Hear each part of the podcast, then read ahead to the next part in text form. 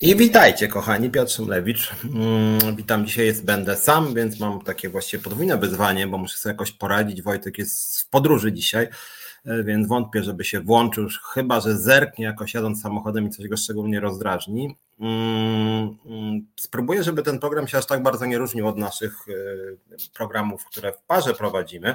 Tak sobie myślałem, że ten program właściwie łączy dwie emocje, to znaczy ironię i gniew. To jest taka e, oparta oczywiście na wiedzy i argumentach bardzo merytorycznych ironia i podobnie gniew, natomiast tak to trochę wygląda, tak? I stąd ta nasza kpina i nasz cotygodniowy gniew wiąże się przede wszystkim z władzą, z władzą Prawa i Sprawiedliwości, stąd też co tydzień właściwie zajawiam ten program mówiąc, że będziemy podsumowywać e, mijający tydzień niszczenie Polski i polskiego państwa i społeczeństwa przez Prawo i Sprawiedliwość, tak? W związku z tym dziś dzisiaj też będę to robił. Jest mi bardzo przykro, że bardzo dużo jest tego niszczenia e, przez PiS państwa i społeczeństwa, podkreślam i państwa i społeczeństwa, bo mam takie smutne wrażenie, że PiS e, bardzo źle wpływa na polskie społeczeństwo, wyciąga z polskiego społeczeństwa to, co najgorsze, konformizuje, sprzyja tym najgorszym postawom, usprawiedliwia ksenofobię, usprawiedliwia nienawiść, e, usprawiedliwia plucie, lżenie osób wykluczonych tych ludzi najsłabszych, e, usprawiedliwia też moim zdaniem po prostu faszystowskie postawy wobec migrantów, uchodźców, e, wobec gejów, lesbijek, wobec ateistów, komunistów i można tak długo wymieniać i pod tym względem od jakiegoś czasu bronię takiej tezy, że PiS jest właściwie blisko rządów generała Franco. Mm, być może nie w tym etapie wojennym, nie mówię o tym, że PiS od razu morduje ludzi, natomiast jak chodzi o model społeczno-ekonomiczny, e, to jest moim zdaniem blisko frankizmu czy blisko Salazara w Portugalii. Chciałem zacząć od czego innego, ale przyznam szczerze, że dzisiaj jednak już zdrowo mnie wkurzył. To jest ten taki mm, gniew, o którym zacząłem mówić. Mm, kwestie związane z sytuacją na granicy polsko-białoruskiej. Mm, czy Wojtko ma samochód? No chyba ma, bo słyszałem, że właśnie jedzie ze swoim psiakiem e, samochodem. E, więc e, przechodząc do tej kwestii polsko-białoruskiej granicy i tego, co się tam dzieje, ja muszę powiedzieć, że jestem w jakimś totalnym szoku, bo to, co wyprawia polskie państwo, to, co wyprawia telewizja polska, to, co wyprawiają niektórzy prawicowi komentatorzy, to już są naprawdę lata 60. czy 70. faszystowskiej Hiszpanii, czy faszystowskiej Portugalii, mm, czy Chile Pinocheta. Czyli mamy jakąś taką totalną nagonkę dotyczącą mm, ludzi, którzy mają y, czelność krytykować to, co Polska robi przy granicy polsko-białoruskiej. I stąd pojawiło się takie, moim zdaniem, totalnie idiotyczne hasło murem za polskim mundurem. Ja wiedziałem, że z czymś mi się ono kojarzy. No i było kiedyś takie hasło, jak pamiętacie, pewnie za mundurem, panny sznurem. I wydaje mi się, że to jest bardzo podobna retoryka, tylko tam to jest e, pół żartem, pół serio, a to jest strasznie serio. E, w tym za mundurem panny sznurem chodzi o to tak, że e, w pewnym momencie mundur miał bardzo duży autorytet, no i w związku z tym, że miał autorytet, no to właśnie żołnierz był uznawany za dobrą partię, tak? Już pomijam jakieś tam aspekty erotyczne, że niektórzy po prostu lubią mundury e, i okej, okay. natomiast e, chodziło tutaj o to, że właśnie żołnierz, no to jest taka fucha, to jest taki zawód właśnie o bardzo dużym prestiżu społecznym. No i teraz od tego za mundurem panny szturem przeszliśmy do murem za polskim mundurem, I co najbardziej kuriozalne, to murem za polskim mundurem, jak ktoś włącza TVP Info, jak wiecie, ja i Krzyżaniach oglądamy czasem TVP Info, trochę dla perwersji, może trochę też dlatego, że jesteśmy krytykami debaty publicznej, analizujemy język, który funkcjonuje w największych mediach. Mm, I to murem za polskim mundurem to tak jakby mm, było u mnie u dołu w moim, o tutaj e, kąciku, e, moim prawym, jak ja patrzę. I to jest bardzo duże w tym TVP i cały czas jak leci program TVP Info, to cały czas jest to za murem za polskim mundurem, bez przerwy.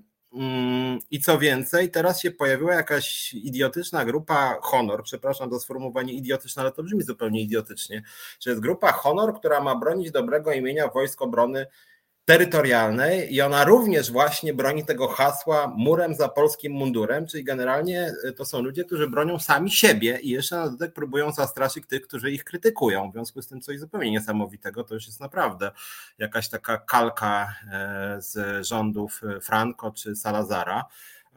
Przeczytałem sobie dzisiaj, co to jest ta grupa zadaniowa Honor i czytam, że jej zadaniem będzie obrona dobrego imienia żołnierzy tej formacji. Grupa ma reagować E, cytuję, e, na nieodpowiedzialne wypowiedzi osób publicznych czy internautów. Mm, nieodpowiedzialne wypowiedzi osób publicznych czy internautów. Słuchajcie, to jest jakaś totalna cenzura nie tylko osób publicznych, ale nawet tego, co w sieci piszemy. Czyli na przykład, jak napiszę, że żołnierze są e, głupi, albo że nie lubię żołnierzy, albo że to jest podły zawód, to rozumiem, że nawet jak napiszę to w internecie, to oni wtedy będą mogli mnie ścigać. Po prostu coś zupełnie niesamowitego. Szaman 035 pisze honor to chyba taki nasiolski zespół był niewarty wspomnienia. To znaczy, generalnie takich zespołów jest właśnie chyba e, sporo. Jeszcze Mateusz Noga pisze, że Młodzież Wszechpolska robiła zbiórkę na tych e, cymbałów. Znaczy, niezależnie od określenia cymbałów, e, to rzeczywiście jakieś bardzo dziwne rzeczy się dzieją, że na polskie wojsko zbierane są pieniądze w internecie. Coś zupełnie niesamowitego.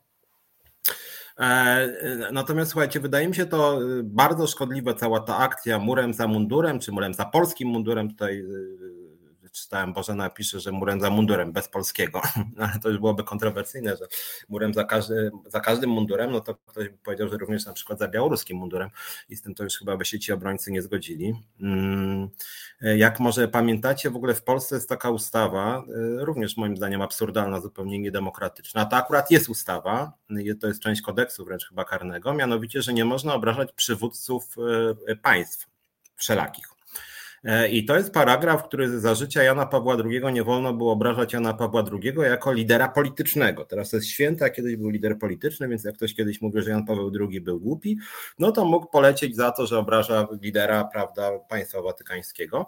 E, śmiałem się wtedy, że jak już ktoś nazywał Putina kretynem, no to takich konsekwencji nie było. Jak ktoś nazywał prezydenta Niemiec, to oczywiście były konsekwencje, więc ten przepis był w ogóle e, traktowany selektywnie. Natomiast wracając do tej e, obrony munduru, polskiego munduru, to jest w ogóle jakiś absurd, dlatego że ja nie wiem, co pan, jak on się nazywa, pan Marek Pietrzak, rzecznik prasowy właśnie tego, tej, tych wojsk obrony terytorialnej, mówi o e, właśnie nieodpowiedzialnych wypowiedziach osób publicznych i on mówi, że on to będzie zgłaszać do sądu. W związku z tym, panie rzeczniku, panie pułkowniku, to jest pułkownik w ogóle, więc brzmi bardzo czcigodnie, panie pułkowniku, obawiam się, że będzie pan miał problem, dlatego że w kodeksie jakimkolwiek nie ma nic takiego jak nieodpowiedzialne wypowiedzi osób publicznych czy internautów, za to się nie karze w polskim prawie. Być może w jakichś faszystowskich reżimach za to się karze, ale Polska póki co faszystowskim reżimem nie jest, w związku z tym swoimi wnioskami do sądu za nieodpowiedzialne wypowiedzi osób publicznych, to sorry, ale albo pan sam słabo zna prawo, albo ma słabych prawników, albo pan będzie po prostu jakieś śmieci do sądu wysyłał, ponieważ nieodpowiedzialne wypowiedzi nie są póki co karalne, to w ogóle nie jest kategoria. Natomiast jak chodzi o wypowiedzi internautów, to ma pan też problem, bo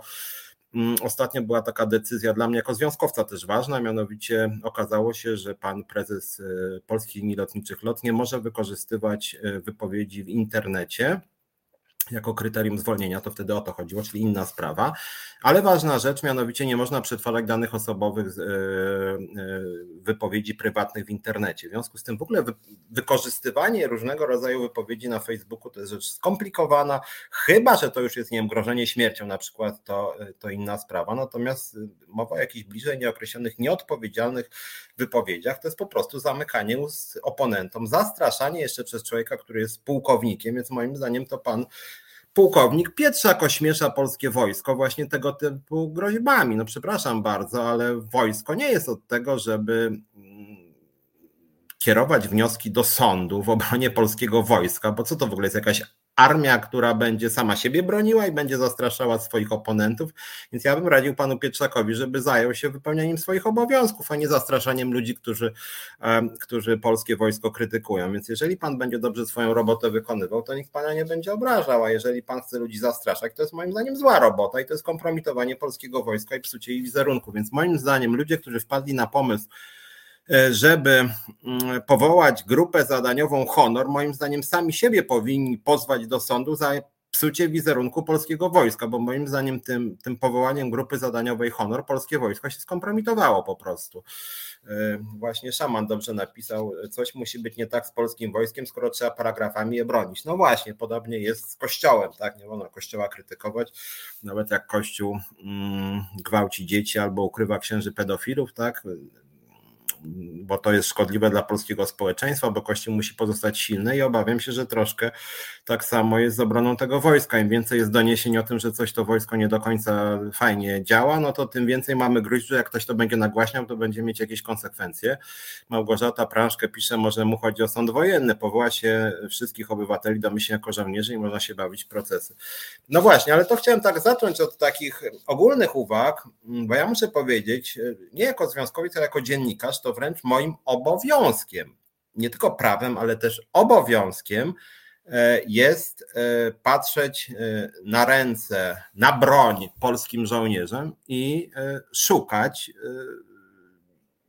różnych bym powiedział, no właśnie działań, które są nie do końca godne poparcia. Jako dziennikarz mam obowiązek być krytyczny. Jak ja słyszę na przykład, że na polskiej granicy dużo się dzieje rzeczy, no mówiąc delikatnie, kontrowersyjnych, no to ja nie będę stał murem za polskim mundurem i uważam, że wręcz obowiązkiem dziennikarza nie jest stać murem za polskim mundurem. Obowiązkiem dziennikarza jest zadawać pytania po prostu a już na pewno nie będę stał murem za jakąkolwiek grupą zawodową. Jest to zupełnie bez sensu, jest to kompletnie idiotyczne, dlatego że żołnierze, podobnie jak każda inna grupa zawodowa, to są ludzie bardzo zróżnicowani. Jedni są fajni, drudzy są niefajni. No, tak samo jak stać murem za, nie wiem, polskim czym?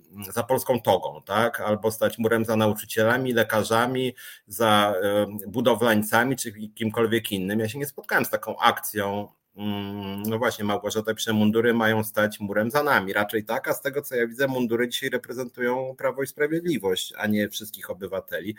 Zresztą skądinąd trudno, żeby było inaczej, dlatego że żołnierze to jest jednostka rzeczywiście podległa władzy, władzy centralnej, mają wykonywać obowiązki, które definiuje ministerstwo, w tym wypadku Ministerstwo Obrony Narodowej głównie, czy pana premiera, a ja nie ufam panu premierowi, nie ufam ministrowi obrony narodowej, w związku z tym nie ufam polskiemu mundurowi, nie ufam polskim żołnierzom, no i tyle. No i co, pozwiecie mnie teraz za to, tak? Będzie wniosek do sądu, że nie ufam mm, żołnierzom, i co ten sąd powie, tak?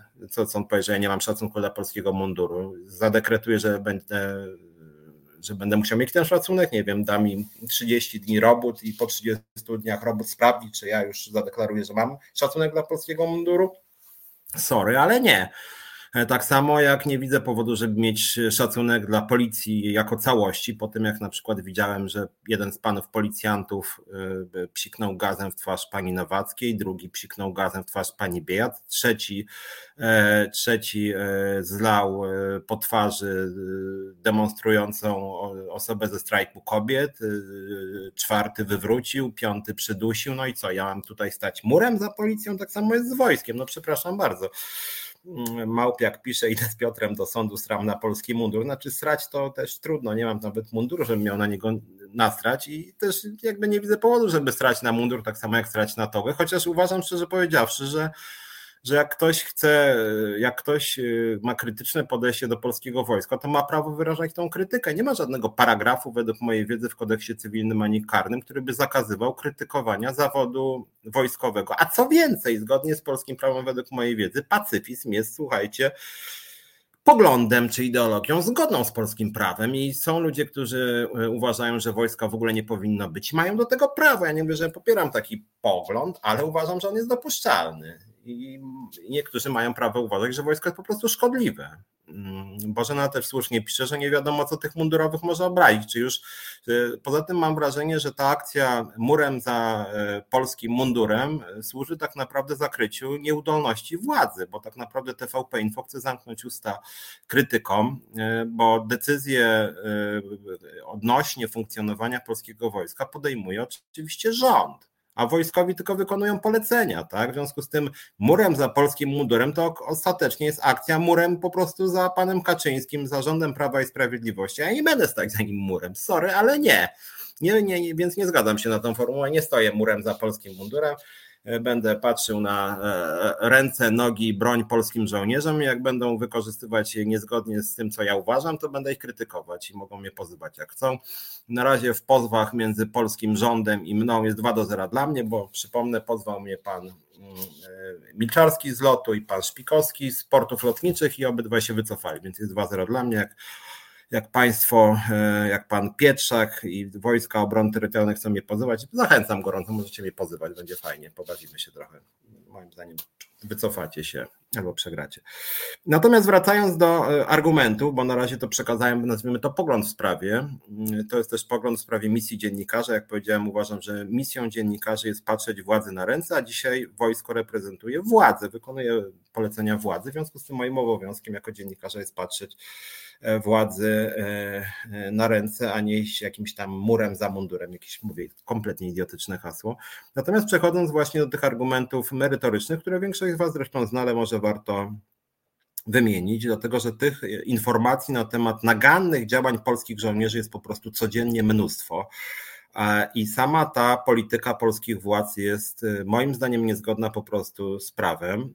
Mm, warto przypomnieć i przypominać, że zgodnie z konwencją genewską, którą Polska podpisała, której jesteśmy stroną, człowiek, który nielegalnie przekroczy granicę, musi mieć możliwość złożenia wniosku o ochronę międzynarodową, Mm, jeśli tego nawet nie zrobi, to władze mogą go odesłać do kraju pochodzenia, ale w międzyczasie y, trzeba dbać o jego bezpieczeństwo, zapewnienie mu humanitarnych warunków y, i na przykład trzeba go umieścić w ośrodku dla cudzoziemców. Pod tym względem polscy żołnierze, tak, Polska Straż Graniczna na masową skalę łamie konwencję genewską i za to nie mam dla nich w ogóle szacunku. Ja wiem, że oni wykonują polecenia pana Kaczyńskiego, Błaszczaka i innych tych panów, e, czy pana Kamińskiego, natomiast to jest niegodne szacunku. Uważam, że to jest naganne, podłe, niezgodne z y, konwencją genewską, niezgodne z prawami człowieka i nie będę miał za to szacunku po prostu, a to się dzieje na masową skalę. Mówię na masową skalę i to nie są żadne plotki, bo sam rząd to przyznaje, tak, że, że ci ludzie po prostu są natychmiast wyrzucani często z Polski, jest coraz zimniej, a jak wiemy ten, ta granica polsko-białoruska to jest taki teren, gdzie temperatura jest niższa niż w większości krajów, w związku z tym temperatura w nocy już spada poniżej zera, w związku z tym przerzucanie tych ludzi z granicy białoruskiej do Polski i później odsyłanie ich do granicy białoruskiej, to jest narażanie tych ludzi po prostu na śmierć. Po prostu na śmierć. W związku z tym ta polityka moim zdaniem jest wyjątkowo, wyjątkowo e, podła. E, Wiele jest relacji, jak polscy pogranicznicy po prostu wywozili uchodźców na granicę. E, wielokrotnie mówiono o tych tak zwanych pushbackach, czyli właśnie to przerzucenie tych samych osób z jednej strony na drugą. Warto pamiętać, że każda spędzona noc na dworze to jest ryzyko wychłodzenia i śmierci. Tym bardziej, że ci ludzie też bardzo często nie mają nawet jedzenia, mm, nie mają ubrań. Wiemy dobrze, że polskie władze nie dopuszczają dziennikarzy w ten teren, w związku z tym tak naprawdę o wielu rzeczach też po prostu nie wiemy, co w ogóle nas kompromituje, dlatego że nie lubię pana Łukaszenki, odrażający typ, natomiast też on skompromitował trochę Polskę tym, że po stronie białoruskiej są dziennikarze i to dziennikarze BBC, CNN, I tam rzeczywiście e, granica, można powiedzieć, od strony białoruskiej e, jest otwarta dla dziennikarzy z różnych krajów, natomiast po polskiej stronie nie. To znaczy, my tu wychodzimy na zamordystów przy naprawdę zamordystycznej Białorusi. To jest totalna kompromitacja, no po prostu totalna kompromitacja. I teraz pytanie, co polskie władze mają do ukrycia, skoro nie dopuszczają Frontexu, nie dopuszczają dziennikarzy, nie dopuszczają posłów opozycji, nie dopuszczają nikogo.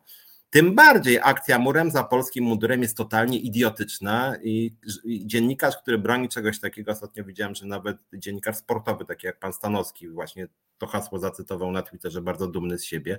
To jest po prostu obrzydliwe i głupie. No, trzeba być, ja nie wiem, ja nie wiem, jak można być dziennikarzem i bronić tego typu hasła. Zresztą pan Stanowski jeszcze, jeszcze napisał, że bardzo dobrze, że tam właśnie nie mogą wchodzić dziennikarze, bo dziennikarze mogliby e, fake newsy rozprowadzać. No super argumentacja jakby dla reżimów nawet nie typu Białoruś, ale typu Korea Północna. Tam też się wychodzi z założenia, tam dziennikarze to mącą, więc w ogóle warto, warto dać sobie spokój z jakimkolwiek dziennikarstwem.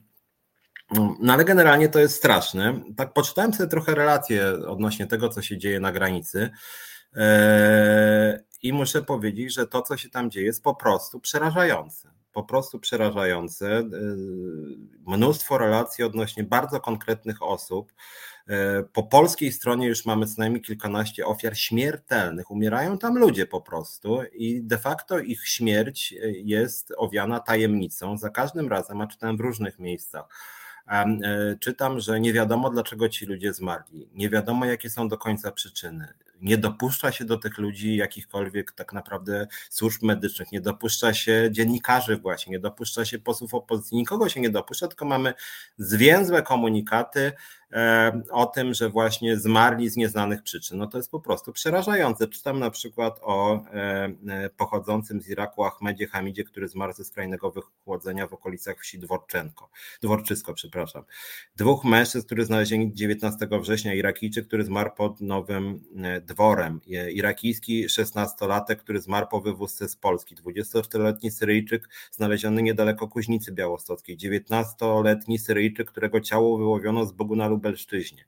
E, mężczyzna znaleziony pod wsią Kuśnice, 39-letnia Irakijka, której ciało leżało metr od polskiej granicy, 25-letni Gajlan, który również e, zmarł, to też było kilka dni temu. Okopres też opisywało historię e, kobiety z Konga, którą polska Straż Graniczna miała złapać za ręce i nogi i przerzucić nad płotem granicznym z powrotem na Białoruś.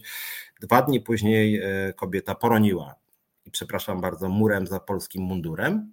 No nie, przepraszam, ale spadajcie, nie będę murem za polskim mundurem, bo y, te rzeczy wszystkie brzmią po prostu przerażająco, przerażająco. Ostatnio jeszcze, jeszcze były doniesienia o przepędzaniu dziennikarzy nawet z terenu e, poza tym stanem wyjątkowym, który moim zdaniem jest po prostu jakimś kuriozum prawnym, e, bo to właściwie ten stan wyjątkowy został wprowadzony wyłącznie po to, żeby zamknąć usta dziennikarzom. Jesteśmy jakimś ewenementem na skalę w zasadzie już światową nawet, tak? poza kilkoma totalitarnymi e, krajami Y, nie ma zakazów dziennikarzy y, relacjonowania nawet konfliktów wojennych. W Syrii, Iraku, Afganistanie nawet dziennikarze byli w czasie wojny, a w Polsce po prostu nie ma, dlatego że pan Kaczyński z panem Morawieckim sobie wymyślili, że nie będą dopuszczać ludzi właśnie na te tereny E, na których e, uchodźcy chcą się dostać do Polski. Tak? No przecież to jest po prostu szokujące zupełnie, no coś zupełnie niesamowitego.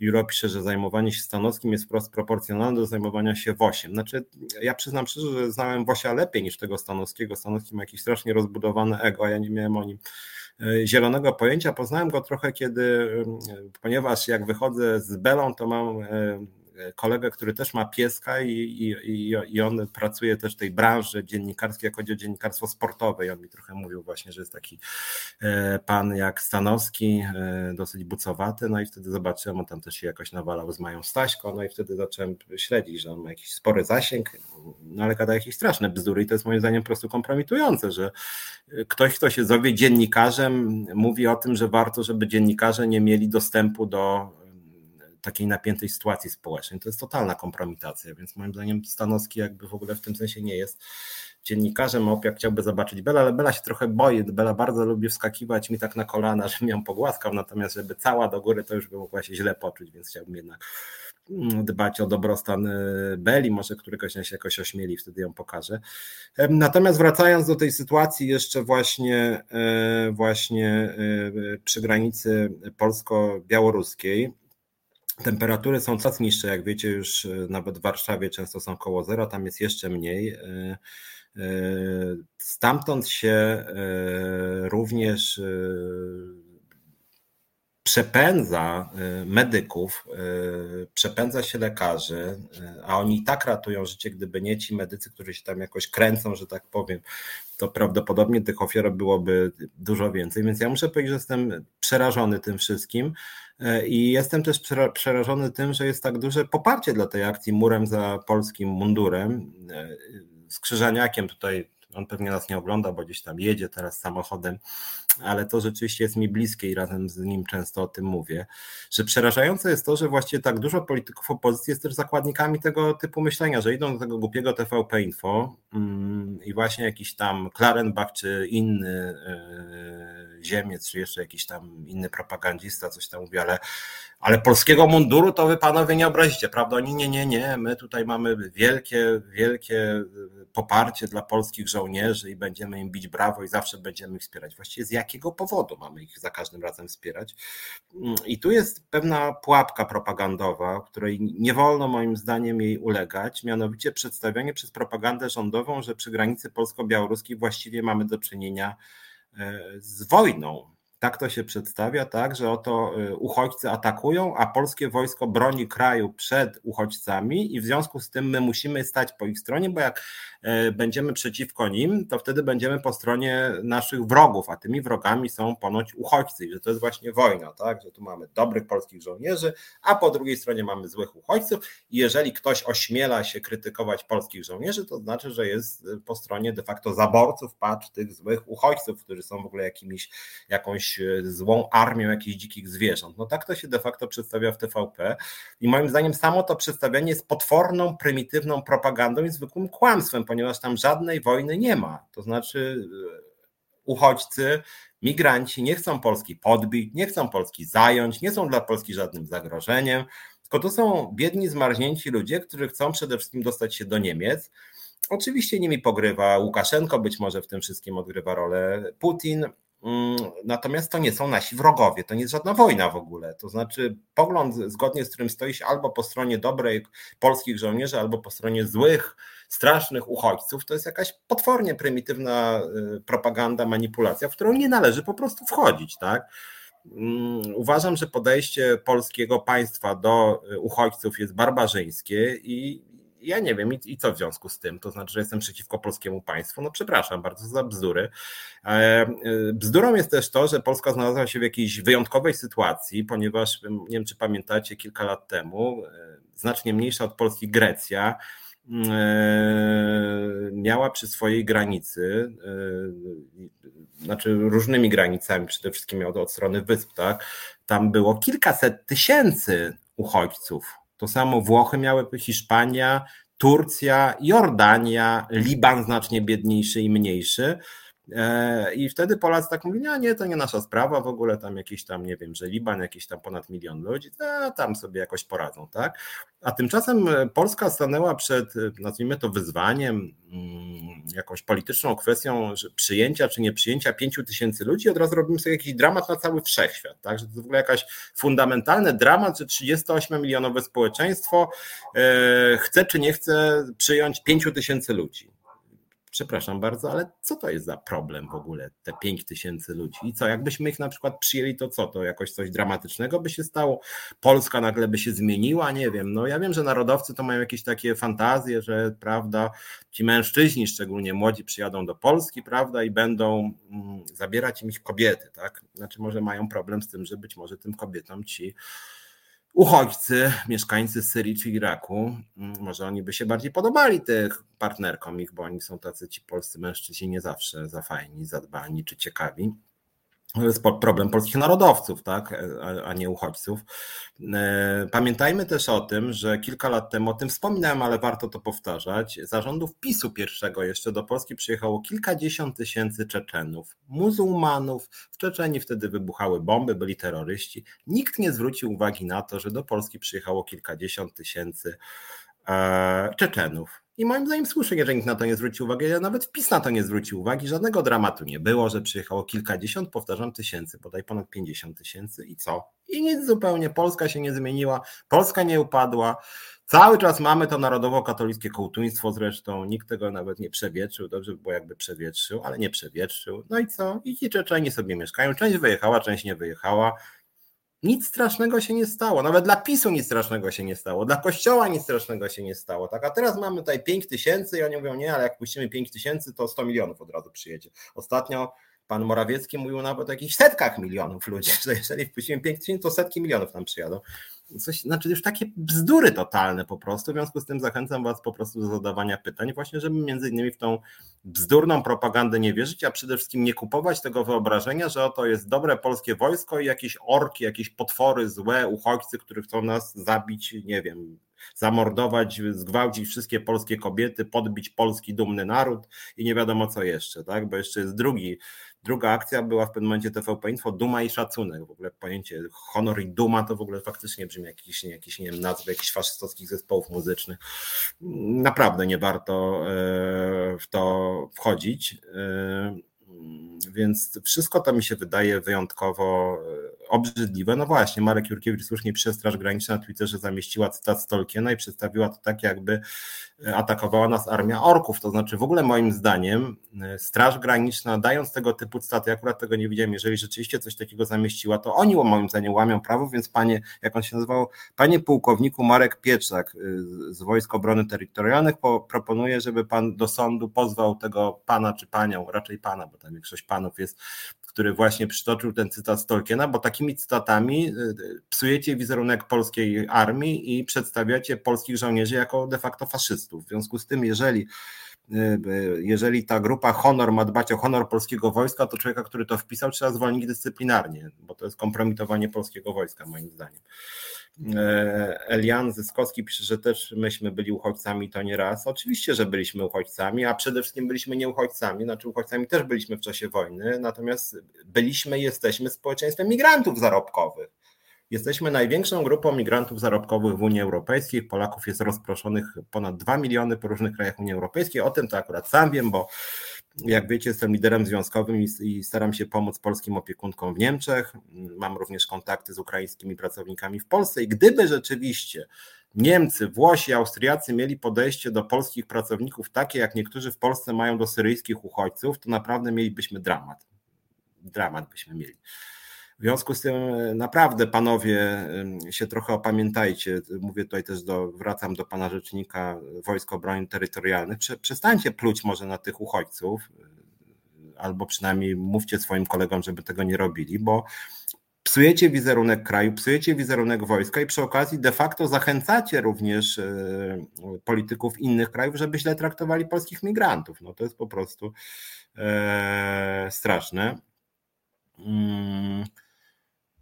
E, mam taką myśl, pisze Mateusz Noga, że jakby PiS w ogóle od początku nie relacjonował sytuacji na granicy w TVP, tylko przyjął wszystkich uchodźców po cichu, to sami sobie by problemu oszczędzili. Znaczy mi się też w ogóle wydaje, że w ogóle ta cała akcja przy granicy jest w dużej mierze akcją medialną, dlatego że e, migrantów i uchodźców przez granicę polsko-białoruską przechodzi co roku bardzo dużo i właśnie nie ma też takich danych. Ja bym bardzo chętnie zobaczył dane, które by pokazywały, w jaki sposób to się zmieniało. Ja sam sprawdzałem skądinąd, jak to było w poprzednich latach, jak chodzi o liczbę uchodźców e, przyjmowanych przez, Pols przez Polskę e, i szczególnie w tym okresie, kiedy właśnie był ten, ten, ten skok liczby uchodźców w skali całej Europy, Polska wtedy była krajem najmniej przyjmującym uchodźców ze wszystkich krajów, podkreślam, najmniej, byliśmy najmniej solidarni, najmniej pomagaliśmy e, i również najmniej wniosków było pozytywnie w Polsce, przez Polskę rozpatrzonych wtedy i później patrzyłem dane późniejsze, 2017, 18, 19.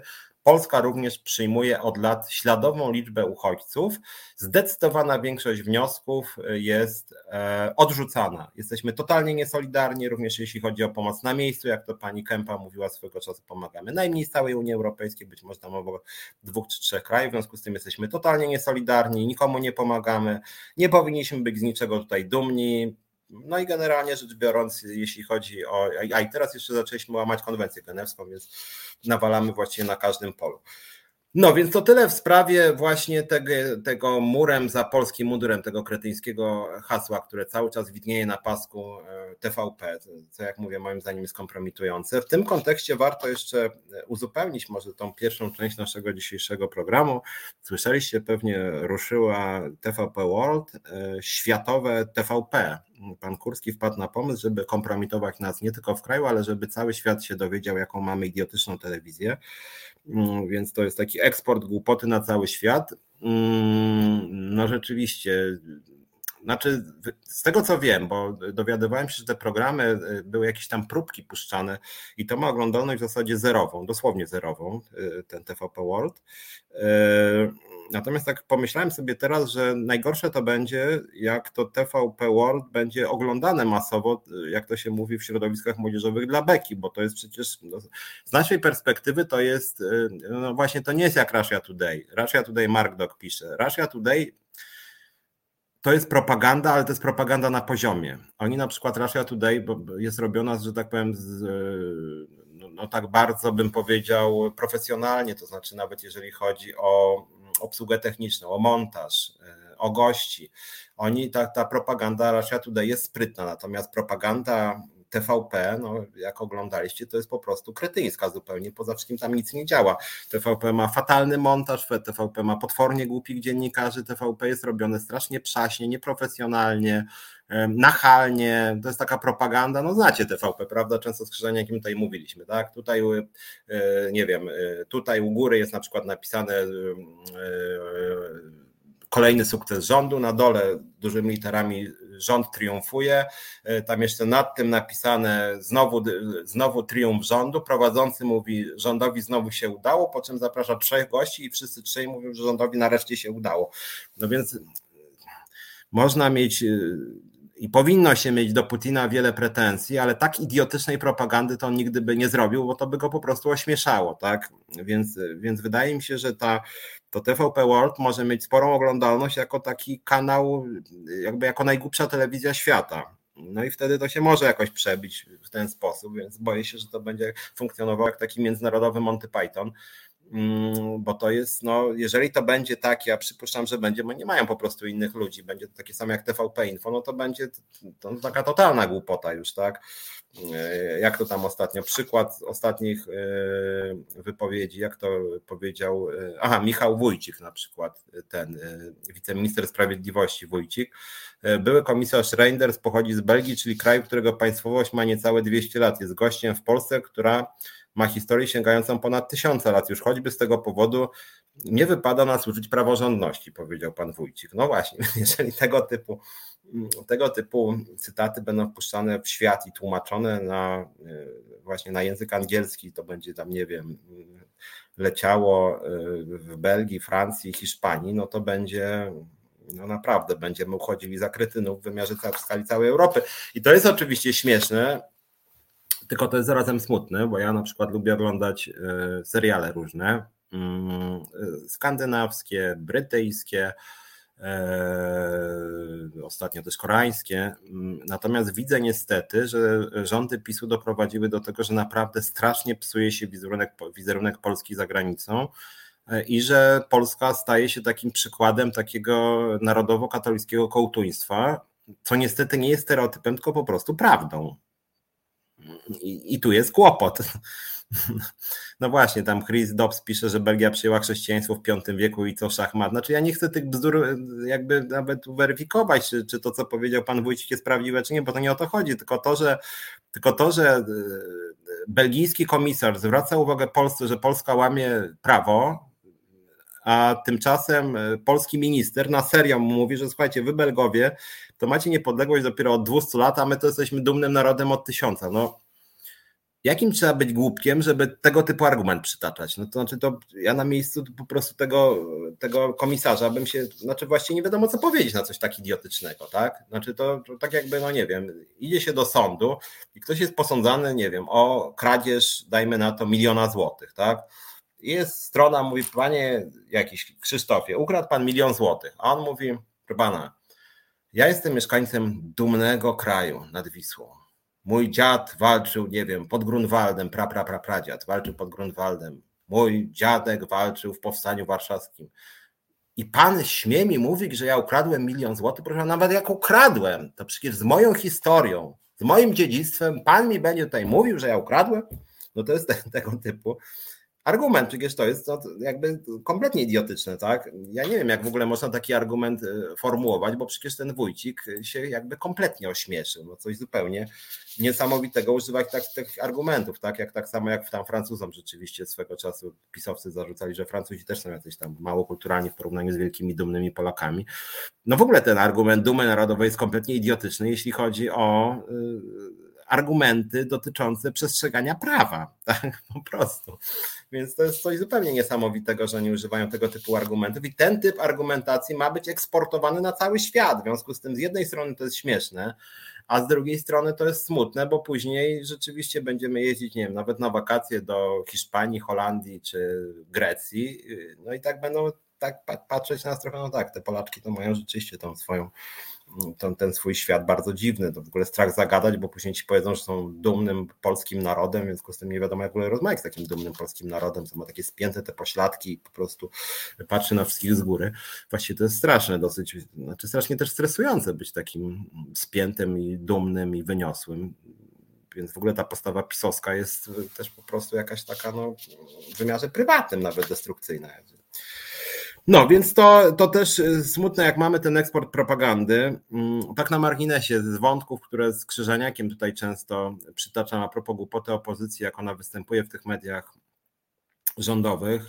Ostatnio dla odmiany widziałem, że był e, a poseł Balt, Balt z SLD, który występował z panią no, Zalewską, była minister edukacji, z panią Zalewską. Ta Zalewska jest potwornie niemądra, potwornie, jak napis jest potwornie niemądra. I poseł Balty powiedział, ja panią, jak pani wie, ja panią bardzo szanuję. Ja myślę, po co oni to mówią ci ludzie? Ciągle to samo, tak idą do tego TVP Info i zamiast punktować tych, tych całych głąbów spisu, to mówią właśnie, jak my was strasznie szanujemy i lubimy właściwie, wy jesteście wspaniali. No, tak się mm, nie robi po prostu.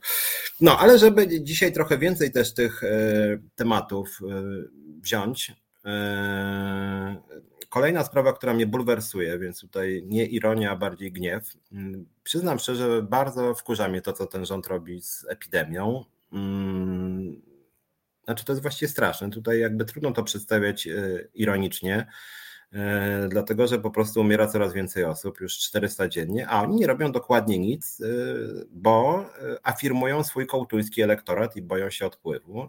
Rzeczywiście są badania, że że najwięcej ludzi z elektoratu PiSu jest e, przeciwko tym obostrzeniom, przeciwko e, na przykład temu, żeby, e, żeby, żeby, żeby obowiązek był pokazywania dowodu zaszczepienia przy wejściu do restauracji, kawiarni, na basen, na koncert, na mecz. Ja uważam, że coś po prostu trzeba zrobić i jestem zszokowany tym, że właściwie miały być te paszporty koronawirusowe, że tak powiem. One są. Ja mam w komórce aplikacji Obywatel już trzy zaszczepienia, bo się zaszczepiłem po raz trzeci dwa dni temu. I nic w Polsce tego nie wynika w ogóle. Nic kompletnie. To działa tylko przy wyjeździe za granicę. W Polsce dokładnie nic. Kompletnie nic. Osoby zaszczepione nic z tego nie mają, że są zaszczepione. Osoby niezaszczepione mają dokładnie, mogą sobie spokojnie wszędzie wchodzić, zarażać innych, e, chorować sobie, prawda, nie noszą tych maseczek i nikt im tego nie narzuca. Mogą wchodzić do restauracji, kawiarni, na mecze, nikt im w ogóle nie nakazuje, żeby się szczepili. Głoszą te swoje brednie bezkarnie zupełnie i, i rząd jest zachwycony po prostu. Mm, Mateusz pisze, że, że, że zazdrości trzeciej dawki. Znaczy to jest akurat jakby, jakby nie było, bardzo nie lubię ministra Dworczyka, ale trochę dzięki niemu. Hmm dlatego że to on mnie wrzucił w kwietniu przez przypadek na szczepienie, no i właśnie dlatego się zaszczepiłem już 5 maja drugą dawką i stąd teraz też się zaszczepiłem trzeci raz. Tak na marginesie, dwa dni po zaszczepieniu, czyli w dniu dzisiejszym, Jaśnie panujący nam rząd napisał mnie, że zachęca mnie do trzeciej dawki. W związku z tym, a propos funkcjonowania tych, o, mam takie coś dzisiaj, szczepienie. Dziękujemy, że jesteś wśród zaszczepionych. Możesz już zapisać się na dawkę przypominającą wydłuży to Twój certyfikat o rok, a propos sprawności polskiego rządu. No i teraz tak, ja już się zaszczepiłem trzeci raz dwa dni temu, więc oni mi przypomnieli bez sensu. Y, ma to wydłużyć Twój certyfikat o rok. W obywatelu y, tej aplikacji Obywatel oczywiście nie wydłużyło jeszcze o rok, bo system jeszcze nie działa.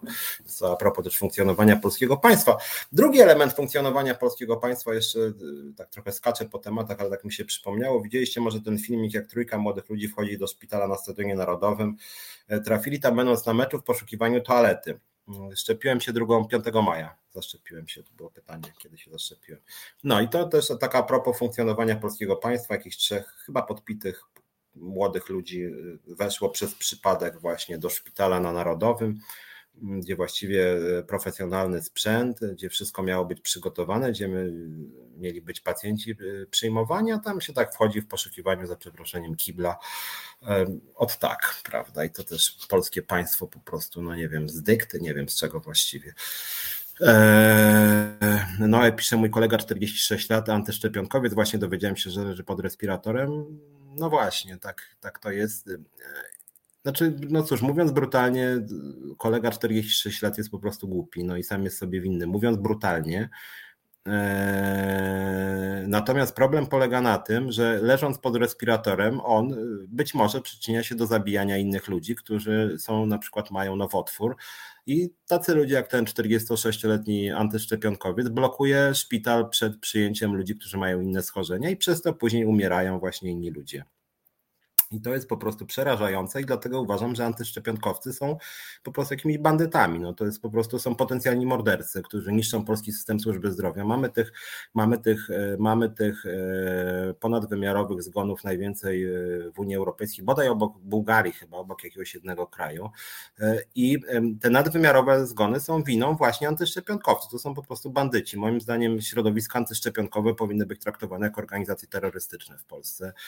Można rozporządzeniem różne rzeczy przyjmować, więc być może też przydałoby się przyjąć, bo to jest po prostu przerażające. Właśnie ci ludzie blokują ochronę zdrowia. Później słyszę że przecież ludzie to umierają nie na koronawirusa, często na serce, nie wiem, udary, nie udary. No właśnie, barany antyszczepionkowe. Ludzie umierają na serce, bo wy swoją kretyjską postawą blokujecie system ochrony zdrowia i już się blokuje i to jest po prostu właśnie przerażające. Ja nie wiem, co ci ludzie muszą mieć w mózgach, którzy się nie szczepią i jeszcze głoszą, że to jest jakieś, nie wiem, że to jest jakoś szkodliwe. Bardzo często są to ludzie młodzi, to jest dla mnie szczególnie szokujące, dlatego że młodzi ludzie bardzo często e, biorą na przykład mefedron, amfetaminę, kokainę, wódkę i jakoś uważają, że, że to nie jest szkodliwe, znacznie bardziej szkodliwa ich zdaniem jest szczepionka. No więc drodzy moi, informuję was, że mefedron jest powiedzmy tysiąc razy bardziej szkodliwy, jeśli nie milion razy bardziej szkodliwy niż szczepionka. E, szczepionka jest mniej więcej tak samo szkodliwa jak paracetamol, który też według różnych danych Polacy ćpają najwięcej leków w Unii Europejskiej, tam obok jakiegoś jednego kraju. E, i biorą tych leków od cholery. Każdy z tych leków ma różne e, skutki uboczne. E, no i jakoś akurat sobie upatrzyli, że szczepionka ratująca życie im zrobi krzywdę, nie wiem, chip im zainstaluje, czy to jakiś eksperyment niby, a kurczę, to, że chleją wódkę albo biorą mefedron, to to nie jest w ogóle eksperyment, to w ogóle nie jest szkodliwe, tak? Tutaj w ogóle, znaczy to akurat to jest przebadane, że jest to mega szkodliwe po prostu. I to im akurat nie przeszkadza, to jest, to jest jakaś szokująca głupota, muszę powiedzieć, tego ja, ja, ja, ja rozumiem, tak, jak działają media społecznościowe, teorie spiskowe, że tam, prawda, jakiś idiota nagrywa jakiś filmik, że według badań Johnson and y, Christensen w Nowym Jorku e, na przykład 96% osób zaszczepionych, nie wiem co, nie wiem, noga im zaczęła odpadać i oni później, później to się rozprowadza, jak jeszcze YouTube usunie taki idiotyczny filmik, to, to, to później, że o, cenzura działa, system działa, w związku z tym tym bardziej mamy rację, to jest jakaś taka teoria spiskowa. Panie Piotrze, czy coś pozytywnego wydarzyło się w ostatnim tygodniu w Polsce albo miesiącu? Wiecie co, tak za 10 minut zrobię przerwę i może w przerwie nad tym pomyślę. Mm, bo przyznam szczerze, że tych pozytywnych działań w ostatnich tygodniach nie za wiele się e, działa, e, się dzieje. E, Małgorzata Praszka mi gość, który czeka na przeszczep serca, które sobie zniszczył narkotykami, rzekł, że prędzej da się zastrzelić niż zaszczepić może. No to rzeczywiście ostry gość. No właśnie, to jest to, o czym ja mówię, że czego to ci ludzie nie wymyślą, że, że, że to szczepienie, nie wiem, ich niszczy. Znaczy, ja, ja tego muszę powiedzieć, nie, nie rozumiem intelektualnie nie rozumiem po prostu. Coś zupełnie niesamowitego. E, Tomasz, ja po szczepieniach w nocy świecę internet mam za darmo, same korzyści. No właśnie, no może tak trzeba przekonywać e, jakby na ich polu. No ale wracając do tych wątków, tak się na szybko próbuję zastanowić, e, czy było coś pozytywnego mm, w ubiegłym tygodniu. Cholera jasna, jakoś mi nie wpadła na razie, ale mówię, pomyślę w przerwie. Czy ktoś wie, co dzieje się z ministrem Dworczykiem? No nie wiem, właśnie jakoś znikł. Ja muszę powiedzieć, że ja mam wspomnienie ministra Dworczyka z dawnych lat, mianowicie jak robiliśmy strajk locie w 2018 roku, to Dworczyk został przysłany po to, żeby e, jakoś uspokoić i on wtedy aż taki się nie wydawał głupi, rzeczywiście muszę powiedzieć. To znaczy, no, może dlatego, że dostał polecenie, żeby jakoś nam coś zaoferować i faktycznie wtedy stewardesy dostały podwyżki o 1000 zł i został odsunięty na bok pan prezes Milczarski. No, ale, e, ale od tej pory no to jest rzeczywiście człowiek, który powinien, powinien być zdecydowanie zdymisjonowany. Nie wiem, czy śledzicie te maile ministra Dworczyka, które właściwie są totalnie kompromitujące. To znaczy, przy tym te rozmowy w sobie i przyjaciołach to jest tak naprawdę drobiazg, dlatego że to, co się wyłania z tych maili Dworczyka, to jest jakieś kryminalne państwo po prostu. I Bożena Breczko, Angela dogadała się z Łukaszenką, to jest pozytyw. Nie wiem, szczerze powiedziawszy. Znaczy, ja w ogóle muszę powiedzieć, że jeśli na, na chwilę jeszcze wracając do, tego, do tej sprawy na granicy polsko-białoruskiej, najbardziej szokujące w tym wszystkim jest to, i o to mam w gruncie rzeczy największą pretensję do rządu Prawa i Sprawiedliwości, że oni całkowicie ukrywają w tajemnicy to, co się tam dzieje. To, że wyrzucili stamtąd dziennikarzy, to jest największy grzech. I to, że i to jest niebezpieczne i budzi największe podejrzenia, że oni również nie dopuścili tam Frontexu, że nie dopuścili zagranicznych dziennikarzy, że nie dopuścili zagranicznych polityków, nie dopuścili nikogo, to znaczy, że mają coś do ukrycia. I to, że, I to, że Kaczyński i Morawiecki uparcie powtarzają, że oni tam sami sobie poradzą, że nie potrzebują żadnej pomocy, to z jednej strony jest głupie, ale z drugiej strony strasznie podejrzane, bo wiadomo, że Merkel e, w pewnym momencie, czy Macron, słysząc o tym, że tutaj Polska mówi, że jakaś wojna prawie jest, no to zaczęli ze sobą rozmawiać. No jeżeli polskie państwo nic nie robi, no to oni zaczęli robić, tak? A, jaszczur w pierdlu. może mu życzyli wesołych No okej, okay, to być może jest pozytywne. Mowa jest o tych panach, którzy mm, w Kaliszu tak, mieli antysemicką demonstrację, więc o, mamy pozytywną informację. I ona jest o tyle pozytywna, że nie wiem, czy pamiętacie, e, ci ludzie, którzy organizowali tą, e, ten antysemicki zlot o takim przekazie w gruncie czy faszystowskim, to byli bliscy przyjaciele Prawa i Sprawiedliwości. Ten e, pan Jaszczur, tak, to jest ten, ten, ten takim mundurze skądinąd, a propos, tak, murem za polskim mundurem, on też w mundurze chodzi, to on przecież był wielokrotnym gościem Radia Maryja a Radio Maryją, to wiemy, co to jest, prawda? Cała wierchuszka rządowa bywa u ryzyka i ten jaszczur, zdaje się, też był, jeżeli to jest, bo jaszczur to jest ten taki w mundurze, dobrze myślę, tak? E, bo drugi to jest ten, co był na zlocie Solidarnej Polski do odmiany. Jeden był u ryzyka, a drugi był na zlocie Solidarnej Polski. To było właśnie dwóch organizatorów tego antysemickiego zlotu e, e, właśnie w Kaliszu. Tak? W związku z tym to są ludzie tak naprawdę, których stworzyła ta władza. Ta władza stworzyła właśnie i dowartościowała taki jakiś antysemickich wariatów, których jest w gruncie rzeczy coraz więcej, jakichś takich ksenofobów. Tak samo Międlara swego czasu przecież też. On w gruncie rzeczy też został jakoś namaszczony e, przez te środowiska związane z PiSem.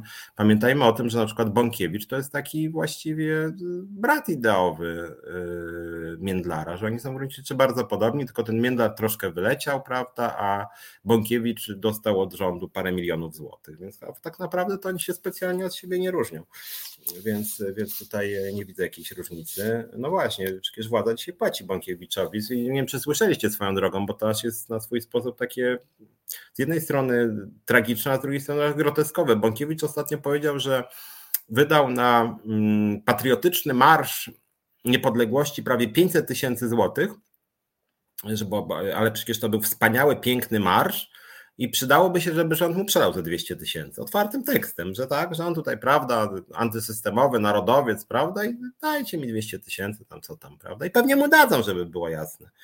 Więc coś zupełnie, zupełnie niesamowitego.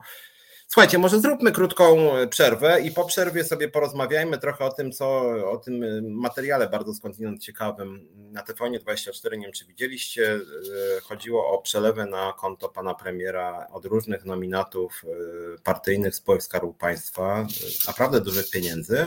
No i to jest dosyć ciekawe moim zdaniem, że tak 50 tysięcy ten dał, 50 tysięcy ten dał.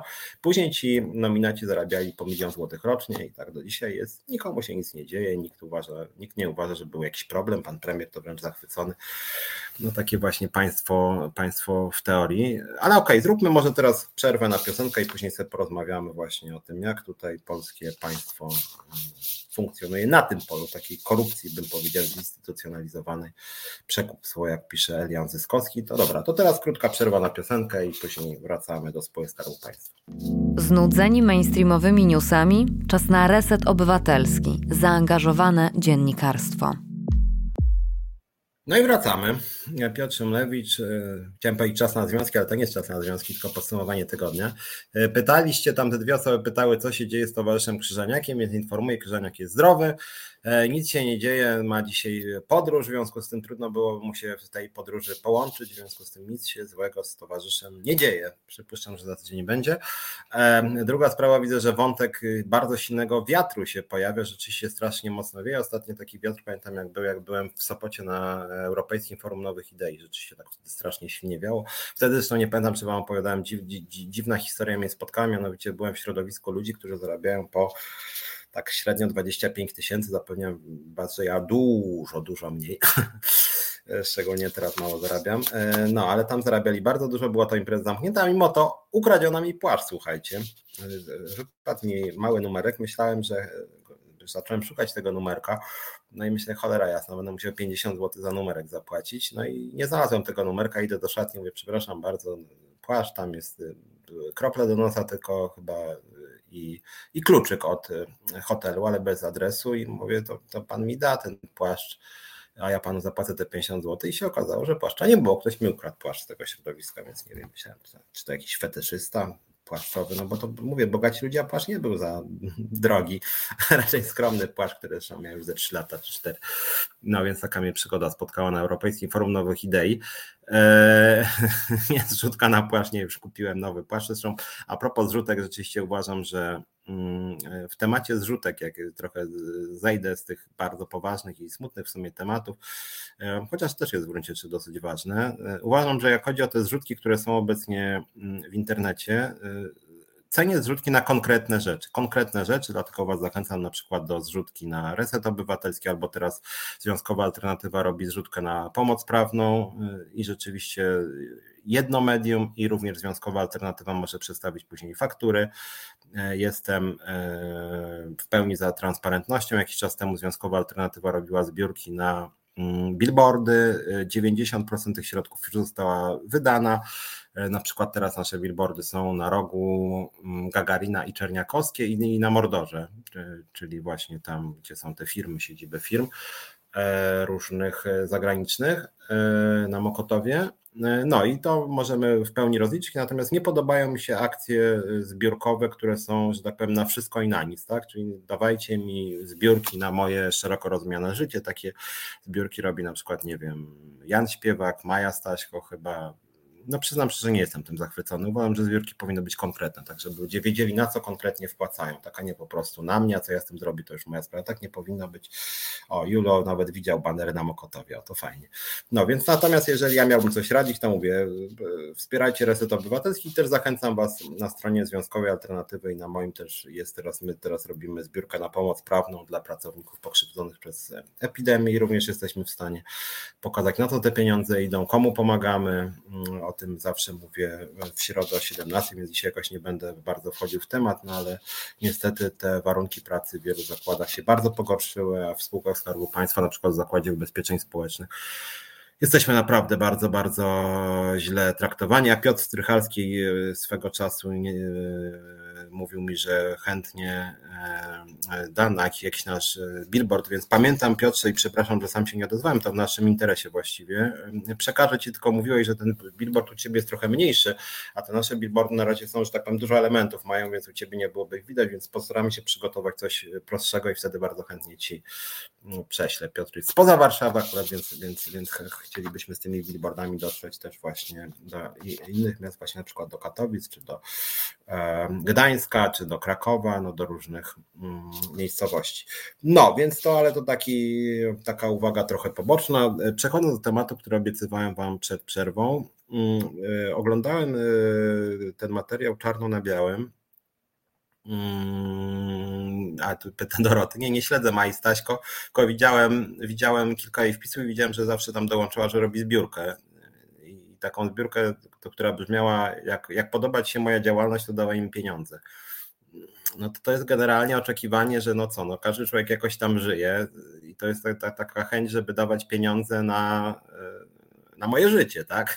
No fajnie w sumie dostawać pieniądze za to, że się żyje, czy że się daje na fejsie jakieś pisy. Ja też często wrzucam coś na Facebooka, mimo to jakby nie mam takiej nazwijmy to czelności, żeby pisać, słuchajcie, dawajcie mi kasę, bo ja wrzucam fajne posty na fejsie. Nie wiem, ale może to jest kwestia takich współczesnych czasów, że niektórzy są wyjątkowo bezczelni i w sumie widzę, że niektórzy zupełnie nieźle z tego żyją i mają po parę tysięcy miesięcznie, ludzie im dają pieniądze. No moim zdaniem jest to dwuznaczne jednak jak mam być szczery. Wydaje mi się, że te akcje facebookowe są fajne, kiedy dotyczą bardzo konkretnych akcji. I mówię, nie wiem, billboardy, konkretne medium, e, nie wiem, książka nawet, tak, to są konkretne rzeczy, na które można zbierać, czy jakiś proces sądowy, konkret, tak. Natomiast jeżeli ktoś pisze, dawajcie, jak mnie lubicie, okej, okay, no jeżeli ktoś chce dać, to może dawać, ale uważam, że to jest jakieś nieuczciwe trochę. Ale może rzeczywiście, jak to napisał Małpiak, może jestem jakiś niedzisiejszy. że może jestem za uczciwy, bo w sumie można w ten sposób, niektórzy naprawdę dużą kasę wyrywają na takim dajcie mi kasę, tak ktoś tam nawet zebrał, że mu się komputer zepsuł, tak, ktoś inny na kawę, no nawet widziałem, to trochę tak jak na dworcu centralnym w Warszawie, są tacy ludzie, którzy piszą zbieram na piwo, tak? No w sumie uczciwe bardzo. Jeżeli ktoś chce dawać, to daje na piwo. E, no, ale jak chodzi o te zbiórki, to uważam, że zbiórki powinny być konkretne, więc ja mogę tylko zapromować. Jestem w resecie, więc jak dajecie tutaj e, składkę, to między innymi dajecie na moje programy, czy z drugiej strony mówię, Związkowa Alternatywa robi teraz zbiórkę na pomoc prawną i tej pomocy prawnej to jest właściwie nasza główna część naszej działalności jako związku. Też możecie wierzyć, że dobrze to rozliczymy. Zresztą nie tylko możecie wierzyć, bo w razie potrzeby nie mamy nic do ukrycia, bardzo chętnie pokażemy wszelkie faktury, na co idą nasze związkowe pieniądze. Nie są zupełnie nie są marnotrawione. Sam w związku zarabiam 700 zł miesięcznie na rękę. I ostatnio jeszcze było 1800 e, z projektu, czyli razem 2,5. Więc ja nie mam zupełnie nic do ukrycia, jak chodzi o związkową alternatywę i w ogóle uważam, że jawność płac jest czymś e, po prostu dobrym. Hmm. E, zresztą taka na marginesie ciekawy temat, ostatnio zaczęło się o tym mówić. E, nie wiem, czy zauważyliście, PiS od początku swoich rządów bardzo dużo mówi o transparentności, o przejrzystości, o jawności i nigdy nie wprowadził praktycznie żadnej ustawy, ustawy, która by tą transparentność zwiększała. I tu przechodzę do tematu, który obiecywałem Wam przed przerwą, bo mnie przyznam że to zbulwersowało, a praktycznie nikt się tym nie interesuje, poza mm, TVN-24, który zrobił materiał. E, reportaż Dariusza Kubika był i Grzegorza Łakomskiego w czarno na białym. Mm, I chodziło o to, jeżeli ktoś nie oglądał, e, mianowicie chodzi o to, że e, dziennikarze pokazali potwierdzenia przelewów na kampanię wyborczą Mateusza Morawieckiego w 2019 roku. Chodziło i konto Morawieckiego, i kilku innych posłów. Przelewy na kwoty tam było 5 tysięcy, 10 tysięcy, 20 tysięcy, tego typu kwoty. I te przelewy były dokonywane z e, tak zwanej listy Morawieckiego, jak to sobie nazwano. Były to osoby związane z premierem, które zostały obsadzone w spółkach Skarbu Państwa. E, część już wcześniej pracowała, część tam trafiła. No i generalnie to było dużo ludzi. Część tych osób, które poprzelewało na przykład po 20 tysięcy, obecnie zarabia kwoty rzędu milion złotych. Nawet były, pamiętam, jedna pani zarobiła w ciągu roku milion 800 tysięcy złotych, w związku z tym no niezły deal. E, te osoby z tej listy Morawieckiego, to co przynajmniej pokazano w materiale wpłaciły y, około 250 tysięcy złotych na kampanię pana Morawieckiego. Mm, e, lista powstała w obozie władzy, nie do końca wiadomo, kto ją sporządził. Obejmowała też osoby, które współpracowały z Morawieckim wcześniej w Banku Zachodnim. I na tej liście tam bodaj było 160 osób. Jeden wysłał 5555 zł 55 groszy, chyba dla Beki, bo i tak miało nie wejść. Otóż przelał to pan Rafał Milczarski polskich linii lotniczych LOT, nasz, jeden z naszych ulubieńców. To jest właśnie, on ma takie właśnie poczucie humoru. Pan Rafał jest w ogóle bardzo uciesznym człowiekiem, jak wiecie. Mm, y, mówię to oczywiście ironicznie, aczkolwiek ucieszny jest w tym sensie i może to jest podobne poczucie humoru, bo pan Rafał Miczalski swego czasu mnie pozwał, jak to już mówiłem w pierwszej części programu, prezes Polskich Linii Lotniczych LOT, pozwał mnie i chciał, żebym zapłacił 200 tysięcy złotych z czego 100 tysięcy na fundację Jana Pawła II. Pan Milczarski wie, jak ja mam poglądy odnośnie polskiego papieża, więc to jest w ramach tego jego właśnie takiego subtelnego poczucia humoru, tak, że przywalę temu Szymlewiczowi, ale niech zapłaci 100 tysięcy, go jeszcze upokorzę, że zapłaci na fundację Jana Pawła II. Wyszło ostatecznie na moje, bo pan Milczarski został w ogóle odsunięty od rozmów i Mm, i wycofali ten pozew bezwarunkowo. Mogłem się tym chwalić, mogłem robić z tym, co chcę. W związku z tym pan Milczarski się przed smakiem wtedy. Yy, natomiast rzeczywiście teraz Milczarski był na tej liście i na tej liście było osób dużo, którzy właśnie wysyłali kasę dla premiera. I teraz tak. Co, co, co o tym sądzicie? Dlatego, że ja oglądałem kilka rozmów, nawet na TVN24, którą sprawę nagłośnił, i generalnie dominowało takie przekonanie, że yy, że jest to nieetyczne, ale w gruncie rzeczy trudno cokolwiek zarzucić, że jest to zgodne z prawem, ponieważ przelewali zgodnie tam z limitami e, określonymi e, w ustawie, w ustawodawstwie dotyczącym wyborów, w związku z tym no trudno tutaj rzeczywiście, a to pamiętam ten wątek Marek Jurkiewicz, jedną panią zatrudnili w spółce, bo myśleli, że to żona Ziobry, podobnie się nazywa, to nie była żona Ziobry. Był taki wątek w tym filmie, no nie wiem na ile tak to jest prawdziwe, ale śmieszne rzeczywiście, jeżeli zatrudnili żonę żonę, znaczy zatrudnili panią, której nazwisko było podobnie do żony Ziobry, żeby podlizać się Ziobrze. To coś zupełnie niesamowitego. Znaczy to już takie państwo, już taki Monty Python totalnie, takie ośmieszanie państwa. Natomiast wracając do wątku, który zacząłem poruszać, to znaczy y, wielu komentatorów krytycznych wobec władzy mówiło, że to jest generalnie naganne wizerunkowo, naganne etycznie, ale jest to zgodne z prawem. Nie chcę jednoznacznie się wypowiadać, ja trochę prawo znam, ale nie, no nie, nie, nie, nie będę tutaj w roli sędziego. Natomiast sprawa moim zdaniem jest niejednoznaczna, bo pytanie, czy to w ogóle nie jest na szkodę y, tych spółek Skarbu Państwa, czy to nie jest po prostu zinstytucjonalizowana korupcja, bo w gruncie rzeczy mechanizm jest w sposób oczywisty korupcyjny, tak? Płacę za to, że dostaję stanowisko lub je utrzymuję. No przecież na tym dokładnie polega korupcja. Hmm no bo jeżeli nie na tym, no to na czym, tak? No korupcja polega na tym, że daję kasę i w zamian coś z tego mam, no i, i, i w tym wypadku dostaję stanowisko za kasę. Więc w jakim sensie to jest zgodne z prawem? Znaczy ja rozumiem, że, że, że, że, że w sądzie trzeba byłoby udowodnić, że jest tutaj jakby bezpośredni mechanizm, prawda? Ja to rozumiem, tak?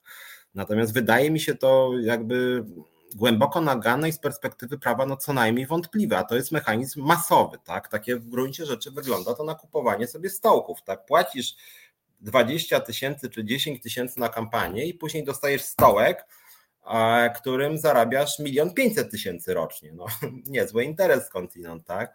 E, więc y, tak mi się wydaje, że ok, nawet jeżeli mielibyśmy uznać, że to jest zgodne z prawem, czy trudno wykazać, że jest to korupcja, to jest bardzo dobry moment, moim zdaniem, dla opozycji, żeby wykorzystać to i, i zaproponować zmiany w przepisach. Mm, żeby tego typu sytuacji nie było. Yy, no bo właśnie, reporterzy programu pisząc do zasady, każdy może wpłacić pieniądze na fundusz wyborczy dowolnej partii pod warunkiem, że dobrowolnie, jednak gdy wkład dokonują pracownicy instytucji zależnych od rządu, pojawia się szereg pytań. E, znaczy, mam wrażenie, że to nie szereg pytań, bo de facto są odpowiedzi. No, w gruncie rzeczy, no, przelewanie tych kwot jest odpowiedzią na pewne wyzwanie. Chcieli mieć po prostu stołki, je dostali, tak? Przelewając konsekwentnie pieniądze. E, znaczy w demokratycznym kraju po ujawnieniu czegoś takiego, to, nie, to, to powinny być natychmiastowe dymisje pana Morawieckiego i wszystkich tych ludzi e, i postępowanie prokuratury. Jakby się ono zakończyło, trudno powiedzieć. To jest raz. A dwa, moim zdaniem, powinna wyjść inicjatywa ustawodawcza, żeby takie rzeczy zablokować. Tak? No, że, ja w ogóle na przykład jestem zwolennikiem, nie wiem co sądzicie, na przykład uważam, że każdy e, członek e, zarządu spółki Skarbu Państwa i Rady Nadzorczej że, że, że powinna być jawność, e, po, powinny być sprawozdania majątkowe, tak jak posłów.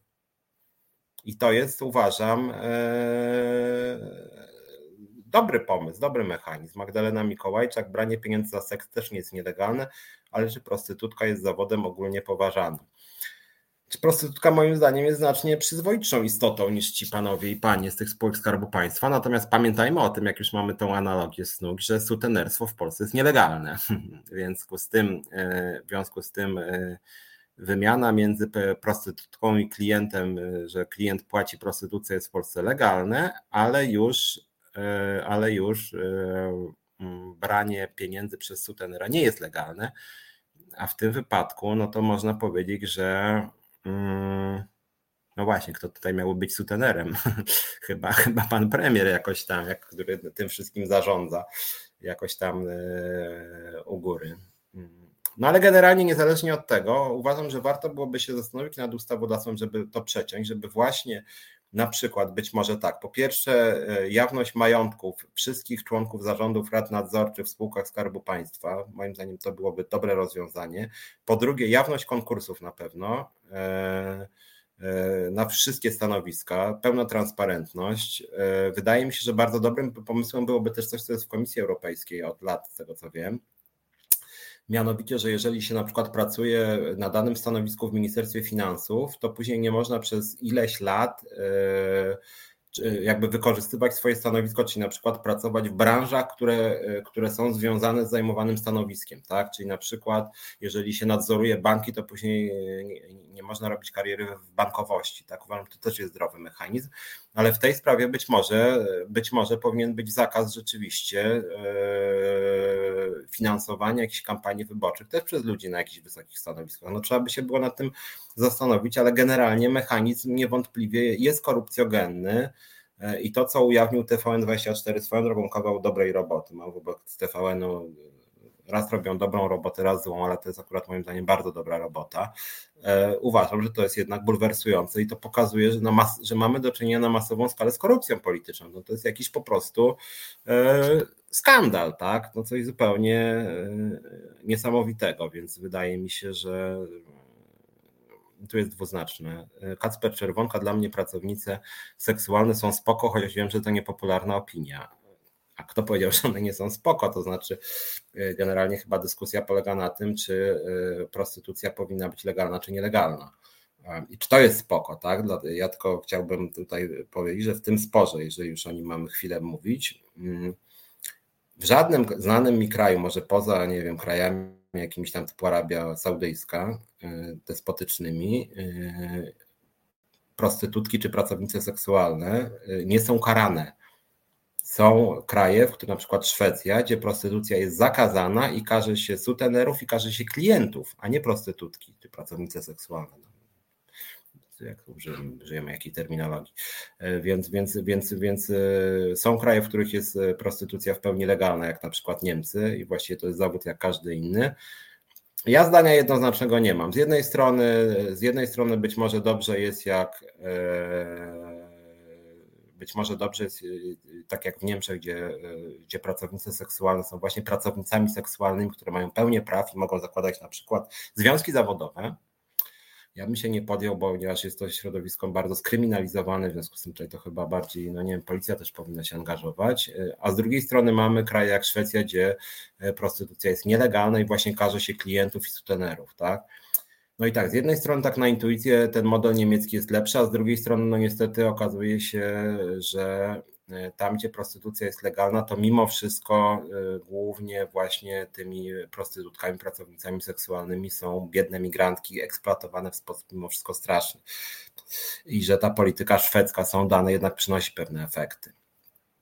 Więc, więc nie wiem, Marek Jurkiewicz pisze, że powinna być normalna działalność kasy fiskalnej. Ale pamiętajmy o tym, bo, bo niektórzy mówią, że to yy, częściowo słusznie, że to jest pewna pruderia, ale pamiętajmy o tym, że jeżeli mamy to traktować jako normalny zawód, no to na przykład w wielu krajach zasiłki dla bezrobotnych są uzależnione od tego, czy się przyjmie trzy kolejne prace, na przykład, czy dwie, czy jedną nawet e, w, w biurach e, właśnie jakiejś pracy, czy właśnie w urzędach pracy. No i co? Jest na przykład propozycja zostania pracownicą seksualną, kobieta odmówi i przez to na przykład straci prawa do zasiłku. Czy rzeczywiście mamy traktować e, dokładnie tak samo? Ja nie wiem, ja zadaję pytania, bo no bo rzeczywiście są takie prace, w których jesteśmy potwornie eksploatowani i czy rzeczywiście praca seksualna jest jakąś yy, większą formą eksploatacji niż niektóre zawody, które są bardzo wyniszczające. Na przykład są takie zawody jak, nie wiem, e, część pracy górniczej, na przykład w jakichś bardzo trudnych warunkach. Są prace, w których są też ofiary śmiertelne, nawet w budownictwie przecież, tak. Więc nie wiem, to jest temat do dyskusji, bardzo ciekawy moim zdaniem skądinąd. E, czy rzeczywiście to jest dokładnie taki sam zawód jak inne? Nie wiem, szczerze powiedziawszy, aczkolwiek są pewne argumenty, które do mnie docierają, że w krajach, gdzie, gdzie to jest e, właśnie bardzo zalegalizowane, jak Holandia na przykład, czy Niemcy, no powiem Wam tak, byłem kiedyś e, w tej dzielnicy Czerwonych Latarni w Amsterdamie E, i tamte pracownice seksualne, one są właściwie, wyglądają w jakichś takich domkach e, e, za ladą i one wyglądają po prostu jak takie przerażone zwierzęta. Smutne strasznie, widać, że są nieszczęśliwe, można mieć wątpliwości, czy są tam z własnej woli. No nie wiem, tam byłem z 8 lat temu, spacerowałem wtedy i to było bardzo przykre wrażenie. Dobrowolność niby, a w praktyce no wyglądały tak średnio dobrowolnie i średnio szczęśliwie, więc tutaj czy rzeczywiście mamy do czynienia z wolnym wyborem, nie jestem pewien. Z drugiej strony docierają do mnie te argumenty, y, te argumenty właśnie y, y, niemieckich głównie nawet związków zawodowych, że rzeczywiście to jest działalność, która jest wszędzie jakoś tam prowadzona i dobrze jest, jak właśnie to jest zawód pod kontrolą i przez to właśnie przemoc może być jakoś ograniczona, że jak to jest legalne, to jest większa dostępność służb różnego rodzaju, że można tą pracę jakoś kontrolować. Mm, że te prostytutki są bardziej też badane lekarsko, chociaż w Szwecji też są na przykład bezpłatne środki antykoncepcyjne, z tego co wiem, dla właśnie pracownic seksualnych, chociaż jest to uznawane za nielegalne, sam, sam, sam, sam proceder. E, więc to jest to takie dwuznaczne. Chris pisze, że pracownice w Amsterdamie mogą odmówić wykonania usługi, burmistrzyni z Zielonej Lewicy chce też przenieść dzielnicę w inną część miasta. Hmm, no właśnie, no takie złożone. No. W jakiejś mierze każda praca jest przymusowa. No. Oczywiście, że tak większość prac nie sprawia nam przyjemności. Tak? Praca w handlu, w gastronomii jest zazwyczaj bardzo e, nieprzyjemna zazwyczaj, tak nie daje satysfakcji. E, no, ale to jest jakby, jakby nie chciałem o tym mówić, więc tak to sami żeście mi ten temat trochę podsunęli. Trudno powiedzieć, e, część e, prostytucji się przeniosła de facto do sieci. To też jest niebezpieczne, jeżeli nie wiem, jakieś kobiety, że tak powiem, są na samozatrudnieniu. E, no i czasem to działa do czasu, kiedy spotkają jakiegoś klienta, który na przykład jest potwornie przemocowy, agresywny, nie dość, że nie zapłaci, to jeszcze je pobije takich sytuacji też jest sporo. W Szwecji pisze Bartek, sama wizyta w domu publicznym jest karana. No właśnie o tym mówiłem, tak, że, że są klienci karani. Mm. No, ale temat, jak mówię, ciekawy, możemy kiedyś o tym jakoś porozmawiać, może kiedyś moglibyśmy nawet kiedyś spróbować jakąś znaleźć pracownicę seksualną, może ona by opowiedziała, moglibyśmy wtedy zrobić taką dyskusję na temat praw pracowniczych, to może właśnie w tym moim programie środowym. No okej, okay. temat bliższy piątkowej atmosferze, no nie wiem właśnie, bo to jest temat tak naprawdę smutny, nie mówimy o orgiach czy zabawach, bo to też pamiętajmy, że prostytutka to się kojarzy wielu z jakimiś uciechami, a to jest po prostu ciężka praca dla tych kobiet i często taka no nie za fajna, czasem niebezpieczna, w związku z tym to, aczkolwiek jak chodzi już o Amsterdam i to jest może bardziej piątkowy temat, w Amsterdamie właściwie wszystkie narkotyki już są dostępne mm, w sklepach de facto, to jest aż yy, zabawne, nie wiem czy ktoś z Was był w ostatnich latach w Amsterdamie, w Amsterdamie można kupić e, w sklepie e, nie tylko haszysz czy marihuanę, ale też trufle halucynogenne, dziewięć rodzajów z pełną instrukcją obsługi, ekstazji, można kupić, więc naprawdę mocne narkotyki, ekstazji pochodne amfetaminy, a grzyby halucynogenne no to jest jeden z mocniejszych narkotyków, jak chodzi o działanie na mózg. Mogą być bardzo silne halucynacje, natomiast ciekawe jest też to, że właśnie tam w Holandii jest dziewięć rodzajów tych trufli halucynogennych, które mają psylocybinę i jest przy każdym napisane instrukcja, jak to działa, jest też instrukcja e, obsługi, że tak powiem, ile brać, jak brać, jak coś się dzieje, to dzwoń, do odpowiednich służb jest podany telefon, e, jest napisane, które grzyby są bardziej halucynogenne, te trufle, a które bardziej działają na, na ciało, które bardziej pobudzają.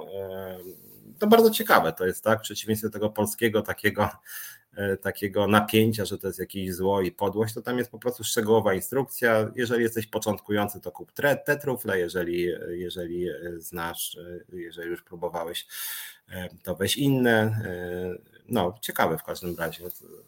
Ja się tak zastanawiałem w momencie, jak to w Polsce jest, że bo w Polsce też są grzyby halucynogenne, e, w polskich lasach, nawet pod Warszawą, z tego co wiem, chociaż sam nigdy nie zbierałem ich. I tam podobno służby w ogóle lądują helikopterami i wyłapują tych, którzy te grzyby zbierają. To ciekawe swoją drogą. E, Piotr pisze, że w Holandii spadło zużycie twardych narkotyków zyskiem dla tych lżejszych, jakkolwiek tego by nie klasyfikować. E, swoją drogą pamiętajcie o tym, e, bo to są ciekawe dane, na przykład jest takie pismo Lancet brytyjskie, z którego wynika, że grzyby halucynogenne i LSD należą, uwaga, uwaga, najmniej szkodliwych narkotyków ze wszystkich, że są po prostu najmniej szkodliwe. Wśród najbardziej szkodliwych jest heroina, krak, kokaina i alkohol tej mniej więcej kolejności. Tak? Inny ranking alkohol daje na pierwszym miejscu. Jak wiemy, alkohol jest w pełni legalny, można kupić go dokładnie wszędzie, natomiast za pół grama marihuany w Polsce można iść do więzienia na dwa lata, zgodnie z prawem. Mm, Małgorzata Prążkę pisze, że wziąć takiego grzyba i odpalić obrady Sejmu to mogłoby być ciekawe doświadczenie. No, Yy, znaczy, aha, bo ja przez chwilę pomyślałem, że gdyby posłowie wzięli te wszyscy, wszyscy grzyby, to byłoby trochę, dla nich też ciekawe doświadczenie. Yy, szaman pisze, że psylocybina to nadzieja dla chorych na depresję i są najmniej szkodliwe dla wśród substancji psychoaktywnych. Mm, Okej, okay, nie, nie czuję się tu ekspertem, chociaż uważam, że z narkotyków typu grzyby czy trzeba uważać, bo to są silne, y, mają bardzo silny wpływ na psychikę, więc to nie jest takie do końca bezpieczne. Natomiast to jest ciekawe, że tam to jest znacznie jakby tak te narkotyki są y, odczarowane bardzo, tak? Y, nie podchodzi, tak jak pamiętam, Kępa krzyczała, że marihuana zabija dzieci w sensie brednie jakieś totalne, bo najbardziej zabija yy, alkohol oczywiście na masową skalę. Alkohol zabija, alkohol krzywdzi ludzi, alkohol yy, często wiąże się z przemocą domową. muszę Wam też powiedzieć, że z moich doświadczeń wynika, na wielu byłem imprezach też związkowych, że mam takie spostrzeżenie, że oczywiście alkohol źle wpływa na różne osoby, ale bardzo źle wpływa szczególnie na mężczyzn 40-55 i to jest dramat.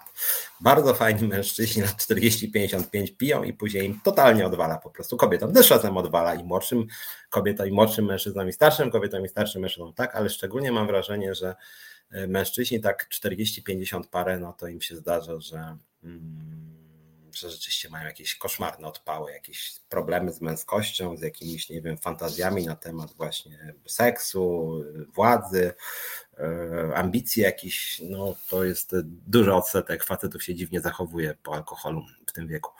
W związku z tym odradzam. Picie sam piję rzadko i wydaje mi się, że mi nie odwala, jak już piję nawet.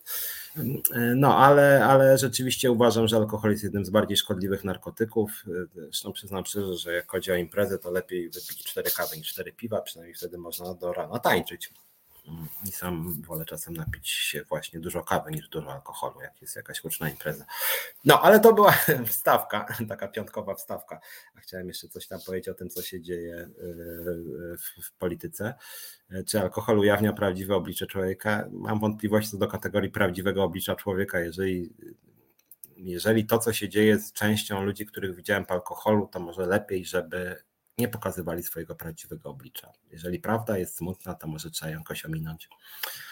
Eee, no a Chripsdop słusznie pisze, że w ogóle Polska nie ma profilaktyki alkoholowej, że to też tak na marginesie poruszamy poważny problem, a ja je tak trochę ubieram w taki e, piątkową aurę, a tak naprawdę alkohol jest, zgoda Chris, strasznym problemem, nikt z tym nic nie robi.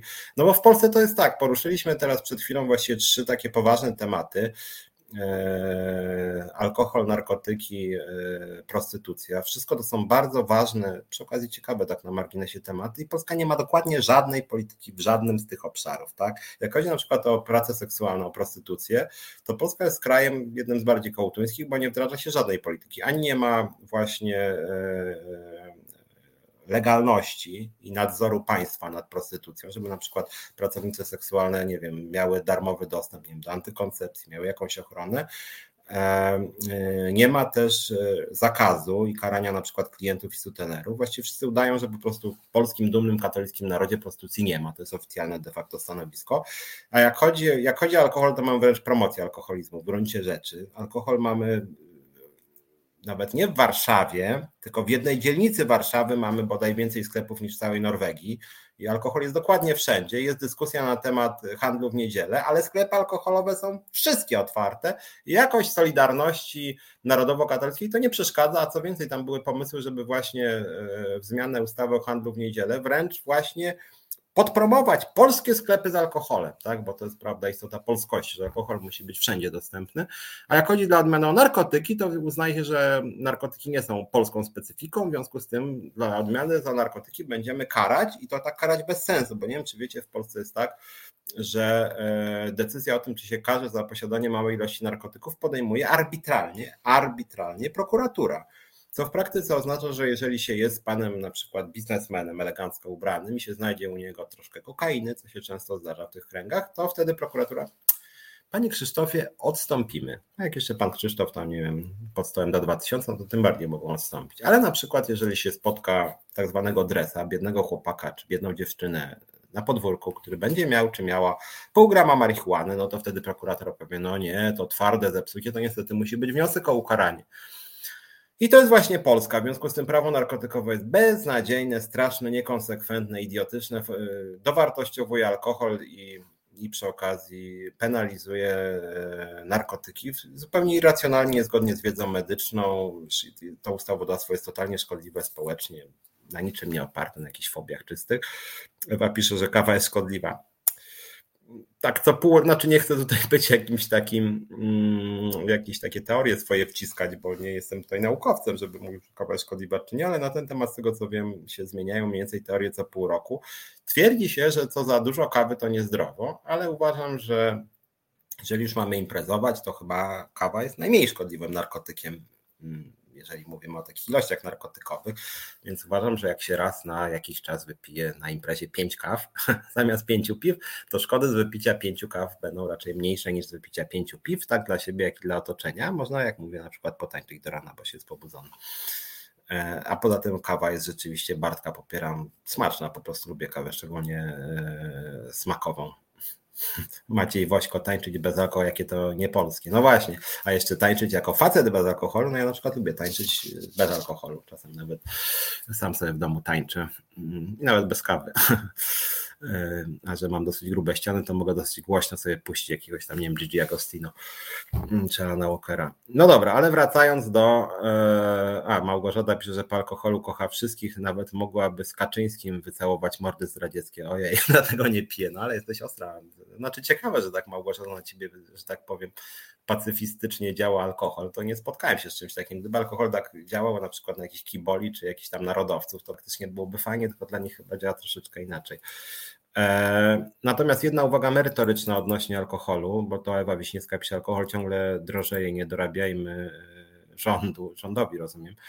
E, szczerze powiedziawszy, uważam, że jak chodzi o podniesienie akcyzy na alkohol i papierosy, może część z Was się ze mną nie zgodzi i może nie w wersji pisowskiej, ale uważam, że należy podnosić VAT, podnosić akcyzę na alkohol i papierosy. Alkohol i papierosy należą do najtańszych w Unii Europejskiej w Polsce cały czas E, i po prostu warto podnosić. I, i, I, tyle. No i ta demagogia, że właśnie jak tam PiS coś zgłosił właśnie podniesienie akcyzy, to mamy głosować przeciwko podniesieniu akcyzy. No, no sorry, no z czegoś państwo się musi utrzymywać. Akurat opodatkowanie wyższe, mówię hasłowo opodatkowanie, akcyzowanie, że tak powiem, tak szkodliwych substancji jak alkohol i papierosy, moim zdaniem nie jest głupim pomysłem. Akurat to co do innych aspektów polityki podatkowej PiSu mam bardzo krytyczne zdanie, natomiast osobiście jestem zwolennikiem relatywnie możliwie wysokiej akcyzy na alkohol e, i papierosy, jak mam być szczery.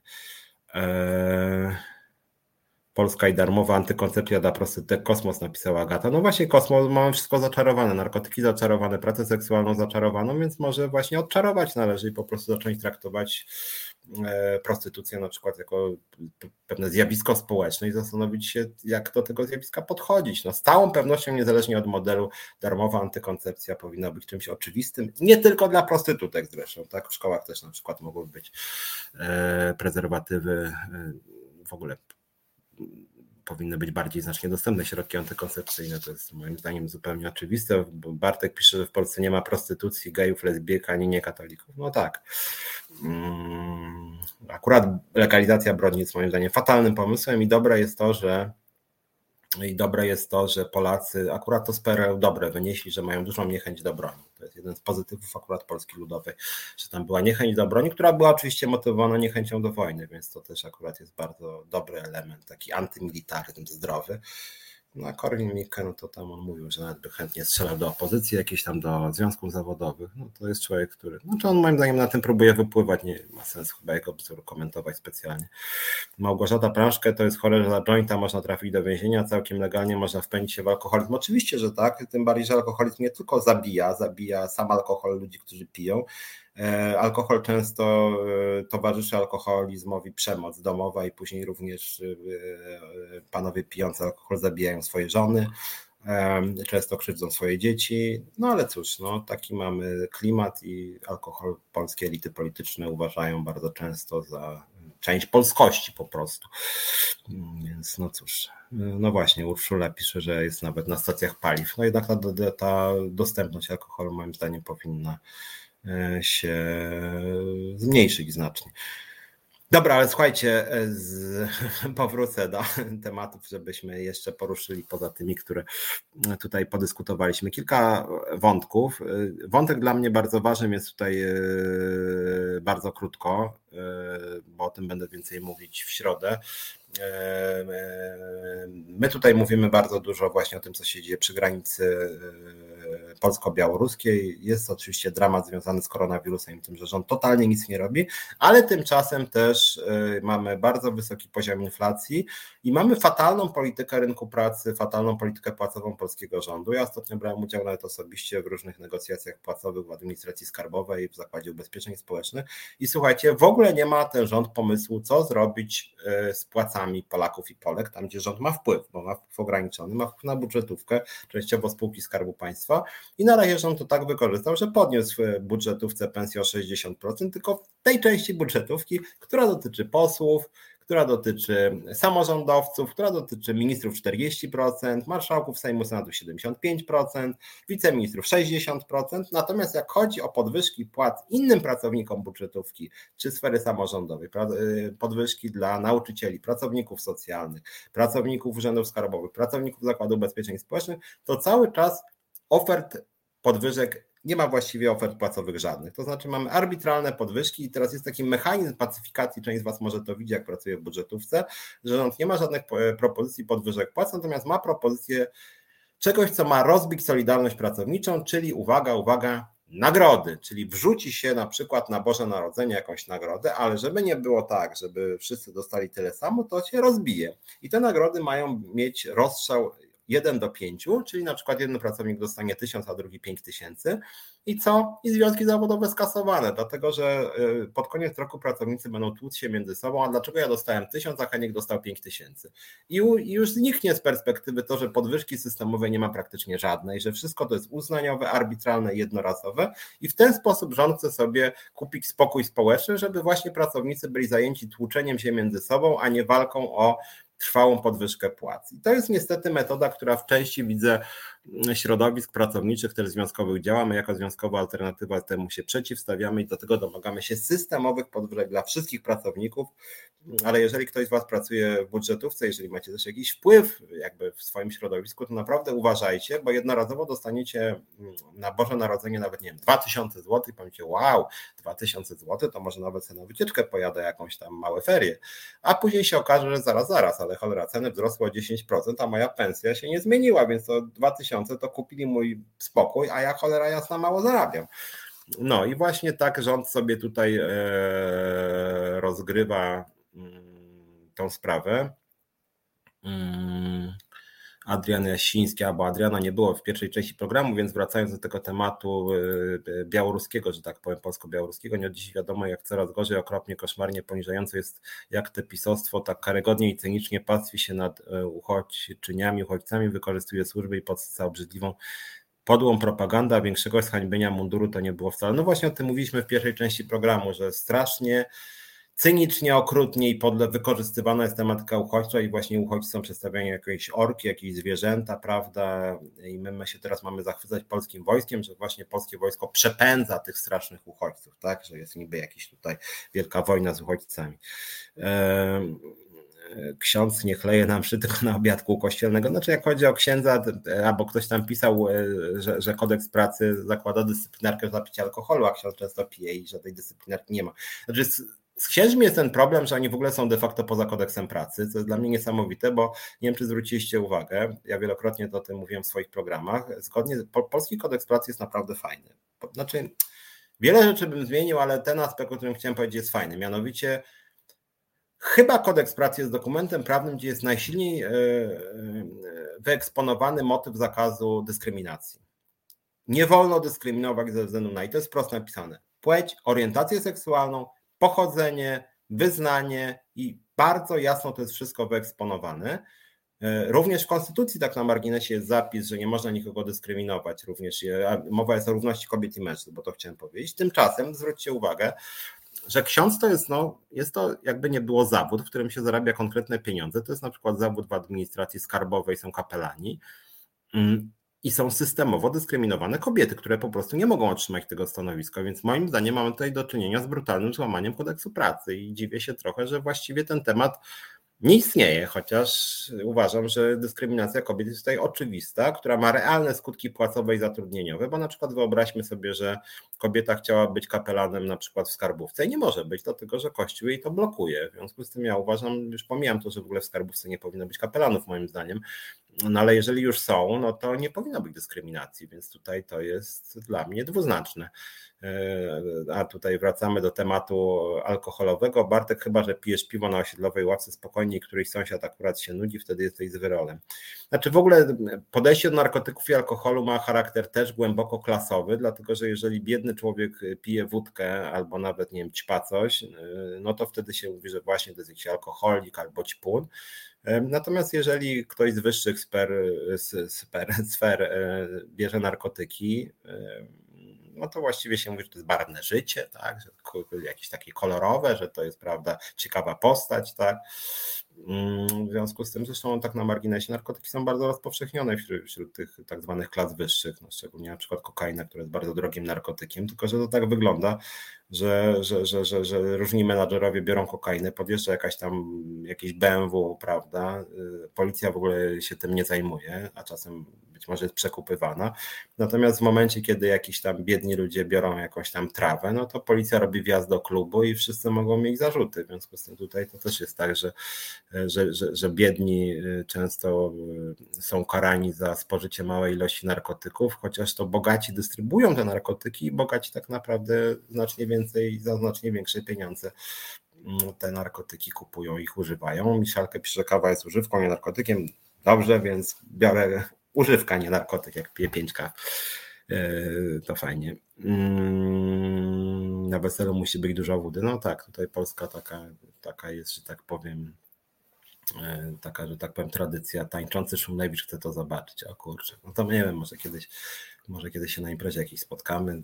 Tęsknię w ogóle za imprezami. Koronawirus trochę zniszczył nam życie imprezowe przed tymi przed tymi, y, przed tą straszną epidemią robiłem imprezy nawet urodziny dla 100-150 osób i tańczyłem od rana, od, od, od rana, od nocy do rana, to znaczy od 19 do 7 rano. Głównie tańczyłem, ludzie gadali, a ja tańczyłem lubię tańczyć. No dobra, ale wracając do, e, wracając do, e, wracając do tematu, Ewa pisze, że lepiej podnosić akcyzę na alkohol i papierochy, bo szkodzą zdrowiu, więc wydaje mi się, że też, e, że też tutaj ten kierunek jest dobry. No ale jeszcze mamy kilka, kilka, kilka minut i kilka tematów, czy kilka takich nawet śmiesznostek. Mm, część rzeczy strasznych, część śmiesznych. Y, był ostatnio ranking braku zaufania publicznego, to znaczy, y, który polityk cieszy się najmniejszym zaufaniem społecznym i uwaga, uwaga, wygrał Paweł Kukiz.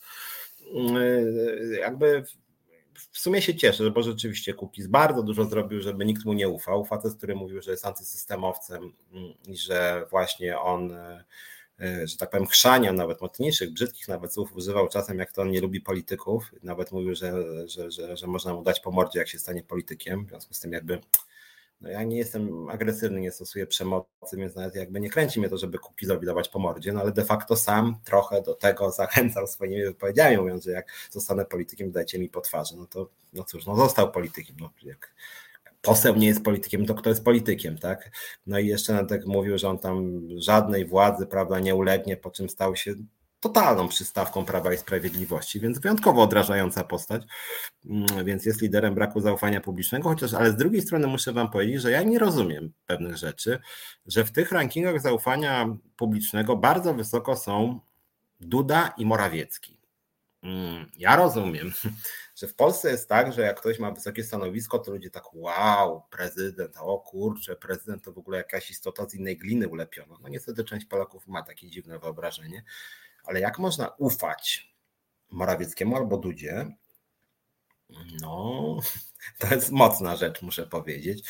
No nie wiem, można mieć jakąś taką, taki lęk, że władza, także władza, która jest sprawcza. Można się władzy bać, czy się boisz Morawieckiego albo Dudy? Okej, okay, no czy Dudy bać się też takie e, dwuznaczne trochę, bać się bardziej Kaczyńskiego chyba, czy Ziobry. Ale okej, okay. ale ufać? Nie wiem, jak można ufać e, Dudzie czy Morawieckiemu, tym bardziej, że Morawiecki naprawdę permanentnie kłamie. To znaczy, on właśnie kłamie w co trzeciej, tak, może nawet co drugiej czasem swojej wypowiedzi. On bez przerwy kłamie i te kłamstwa są takie no bym powiedział prymitywne, takie na oko kłamstwa. Nawet to, co on ostatnio, zaraz, to on, to on chyba ostatnio powiedział właśnie, że jak my wpuścimy te parę tysięcy uchodźców, to kilkaset milionów, kilkaset milionów uchodźców może być przy polskiej granicy. No, no nie wiadomo, czy, czy śmiać się, czy płakać, czy pukać się w czoło. A pan y, premier ma takich wypowiedzi mnóstwo, no te słynne samochody elektryczne, jakieś gadanie o tym, że my jesteśmy najbardziej tam rozwiniętym krajem w Europie, no jakieś takie, no widać, że głupoty, no totalne głupoty. Jak można mu ufać? Albo Dudzie ufać? No przecież no okej, okay, no niektórzy mogą lubić, że taki pajacowaty, trochę, że na TikToku się wygłupia, że jest bohaterem filmików, no okej, okay, no więc powiedzmy no, no powiedzmy, że nie do końca rozumiem, ale niektórzy to mogą lubić, ale ufać? Mm, no, dziwne bardzo, moim zdaniem. A tu cały czas widzę, że tematyka narkotyków was trochę y, poruszyła. Rzeczywiście czytałem, że, że jest jakaś, że jest szaman pisze o legalizacji konopi w Niemczech i że faktycznie podobno teraz mają być y, konopie sprzedawane legalnie, znaczy marihuana po prostu, nawet nie medycznie, tylko po prostu, tak jak w Holandii. Nie znam szczegółów tej ustawy, więc być może za jakiś czas o tym porozmawiam, ale gdzieś o tym czytałem, że faktycznie liberalizuje się prawo. W sumie, w sumie dobrze. Eee... Oj, widzę, że dużo jest waszych. No, tożsamość płciową zabiorą. A to Bąkiewicz mówił, że mu tożsamość płciową Niemcy zabiorą ostatnio. Tak, o, o co mu też cholera chodziło? E, dziwny człowiek. Eee, Adrian Jasiński, aktualny temat w tej audycji. Nie od dziś mówię, że marihuana w końcu powinna być legalna i czas, aby wreszcie porzucone to opresyjne antynarkotykowe prawo. Marihuana stosowana w celach medycznych, leczniczych, a także rekreacyjnych pomaga wzmacniać i pomaga czynić E, osobom silnym. Trawka brzmi cudnie, nie bądź taki ciemny. Ja akurat nie jestem jakimś wielkim fanem marihuany, ale uważam, że to jest słaby narkotyk, więc jeżeli wódka jest legalna, no to znacznie prędzej marihuana powinna być legalna. Poza tym w Polsce narkotyki no niestety są strasznie brudne, strasznie brudne, strasznie szkodliwe, jest bardzo dużo domieszek i właśnie to, że one działają w jakimś drugim obiegu sprawia, że one są niekiedy po prostu trujące. Bo wiecie, jaki był problem z dopalaczami? Problem z dopalaczami nie był taki, że one były jakieś szczególnie mocne czy zabijające. Problem był taki, że w tych nielicznych przypadkach, kiedy ktoś wziął dużo, za dużo, to lekarze nie wiedzieli, co robić, bo nie wiedzieli, czy to dawać leki na uspokojenie, czy na pobudzenie, e, jakie są przeciwwskazania, tak? W momencie, kiedy ktoś nawet w Holandii bierze czystą, nie wiem, amfetaminę, kokainę, heroinę, haszysz, co tam jeszcze, to lekarze wiedzą, jak na to działać, jeżeli to jest czyste, że tak powiem, jeżeli to jest substancja, bo jakby są leki, które, no nie wiem, minimalizują wpływ, tak? Natomiast w Polsce, jeżeli ktoś bierze jakieś świństwo, które jest mieszanką jakiś trocin, marihuany, e, kokainy i jeszcze pięciu innych substancji, to lekarze często nie wiedzą, co robić, bo to jest potwornie brudne po prostu. I polskie narkotyki są niebezpieczne przez to, są brudne i ta ustawa, która zakazuje ich, no niestety tak to troszkę, mm, tak troszkę działa. Mm, e, raport Credit Suisse umieścił majątek per capita Polaków w 2020 roku na 44 miejscu na świecie i 30 w Europie. I to strasznie słabo, nie pamiętam tego raportu. Czyli majątek Polaka oszacowano na 67 400 dolarów, co uplasowało nas o kilkaset dolarów niżej od Saudyjczyków, Słowaków i Chińczyków. No akurat Saudyjczycy to są dosyć bogaci, mają dobra naturalne, ale nie pamiętam tego raportu, ale to faktycznie e, bardzo w sumie mało. Pomimo biedniejszego startu w 2000 roku Czesi, Litwini, Łotysze, a nawet Czarnogórcy osiągnęli podobną lub wyższą majątność, na przykład przeciętni e, Czesi. No ale to były dane odnośnie majątku, a nie zarobków, tak? Rozumiem, że to chodzi o, o majątek. Dobra, ale wracając jeszcze do naszego, do, do, do, tych tematów, które chciałem dzisiaj mm, poruszać. Przypominam, bo warto o tym pamiętać i mam wrażenie, że część Polaków o tym i Polek nie pamięta, E, mamy dzisiaj nawet, dzisiaj, bo to nie liczy się tylko dni powszednie, ale we wszystkie dni tygodnia, dzisiaj polskie państwo wyrzuca półtora miliona euro. Milion za funkcjonowanie Izby Dyscyplinarnej, e, bezprawnej, bezsensownej, pół miliona za turów. Półtora miliona dzisiaj w piątek polskie państwo, a myślałem przez chwilę, że dzisiaj jest sobota w piątek, ale jutro też będzie półtora miliona i pojutrze będzie półtora miliona. E, czyli wydajemy e, tygodniowo 7 razy półtora miliona, 10,5 e, miliona euro, czyli mniej więcej ile? Prawie 50 milionów złotych tygodniowo. I tak sobie lelum po lelum polska władza wyrzuca 50 milionów tygodniowo ponad 200 milionów wychodzi miesięcznie i nic kompletnie z tym nie robi, chociaż w sumie się już większość polityków władzy, nawet nie opozycji, władzy zgadza, że ta Izba Dyscyplinarna jest bez sensu, że warto by to wyrzucić, ale nie mają pomysłu, jak to skasować, chcą coś tam jeszcze takiego zrobić, że co prawda tą ustawę skasują, ale wrzucą jakąś inną szkodliwą i najwyraźniej mamy za dużo po prostu pieniędzy. W związku z tym coś zupełnie niesamowitego, że mm, nie tylko jest niesamowite to, że polska władza wyrzuca 50 mm, milionów złotych tygodniowo, ale też, że społeczeństwu to w ogóle nie przeszkadza. 50 milionów władza wyrzuca, przecież to jest jakiś skandal. Ktoś powinien w ogóle to e, jakby za to odpowiadać, no, że, że tracimy 50 milionów i nawet żadnej dymisji nie ma, żadnego ministra, premiera, nic takiego się nie dzieje, a słupki poparcia dla opozycji władzy są podobne, chociaż ta władza wyrzuca 50 milionów tygodniowo zupełnie bez sensu. No, uważam, że to jest jakiś hardcore. E, kolejna sprawa, czy może dwie sprawy, słuchajcie, bo to są w sumie dwie sprawy, e, które są ważne, z czego jedna jest bardzo bolesna i może być bardzo bolesna dla tysięcy, szczególnie kobiet tak, po pierwsze Ziobro atakuje konwencję praw człowieka, nie wiem czy pamiętacie, czy słyszeliście, po raz drugi już Ziobro składa wniosek do Trybunału Konstytucyjnego o zgodność konwencji praw człowieka z konstytucją RP. Pan Ziobro uważa, że konstytucja Rzeczpospolitej Polskiej jest niezgodna z prawami człowieka. No właśnie, jak na to spojrzeć? Jest to coś tak kompletnie idiotycznego, to znaczy może, znaczy Solidarna Polska uważa, że Konstytucja RP jest tożsama z programem Solidarnej Polski, a prawa człowieka są sprzeczne z programem Solidarnej Polski. W związku z tym Konstytucja RP e, jest sprzeczna z prawami człowieka. Tak im wychodzi, tak? A to, co tak naprawdę jest tej Konstytucji RP, to w ogóle Ziobry specjalnie nie interesuje, bo on liczy, że po prostu pani Przyłębska i Trybunał Konstytucyjny orzeknie wszystko tak, jak on będzie chciał, tak? Więc on w związku z tym Ziobro chce wypowiedzieć konwencję praw człowieka, twierdząc, że no tak, tak trzeba, bo jemu się ona po prostu nie podoba. No, to jest trochę przerażające, trochę groteskowe. Mm, no i pokazuje oczywiście, jaką partią jest y, Solidarna Polska, jakim politykiem jest Ziobro, że to z, Solidarnością nie ma nic wspólnego. No to jest niebezpieczne, ale ogólnikowe. Natomiast jedna rzecz jest konkretna i bardzo bolesna. Powiedziałem, że szkodliwa głównie dla kobiet. Mianowicie, nie wiem czy słyszeliście, pan Zbigniew Ziobro chce bardzo utrudnić procedury rozwodowe no i to już nie jest śmieszne. Mm, to jest dosyć straszne.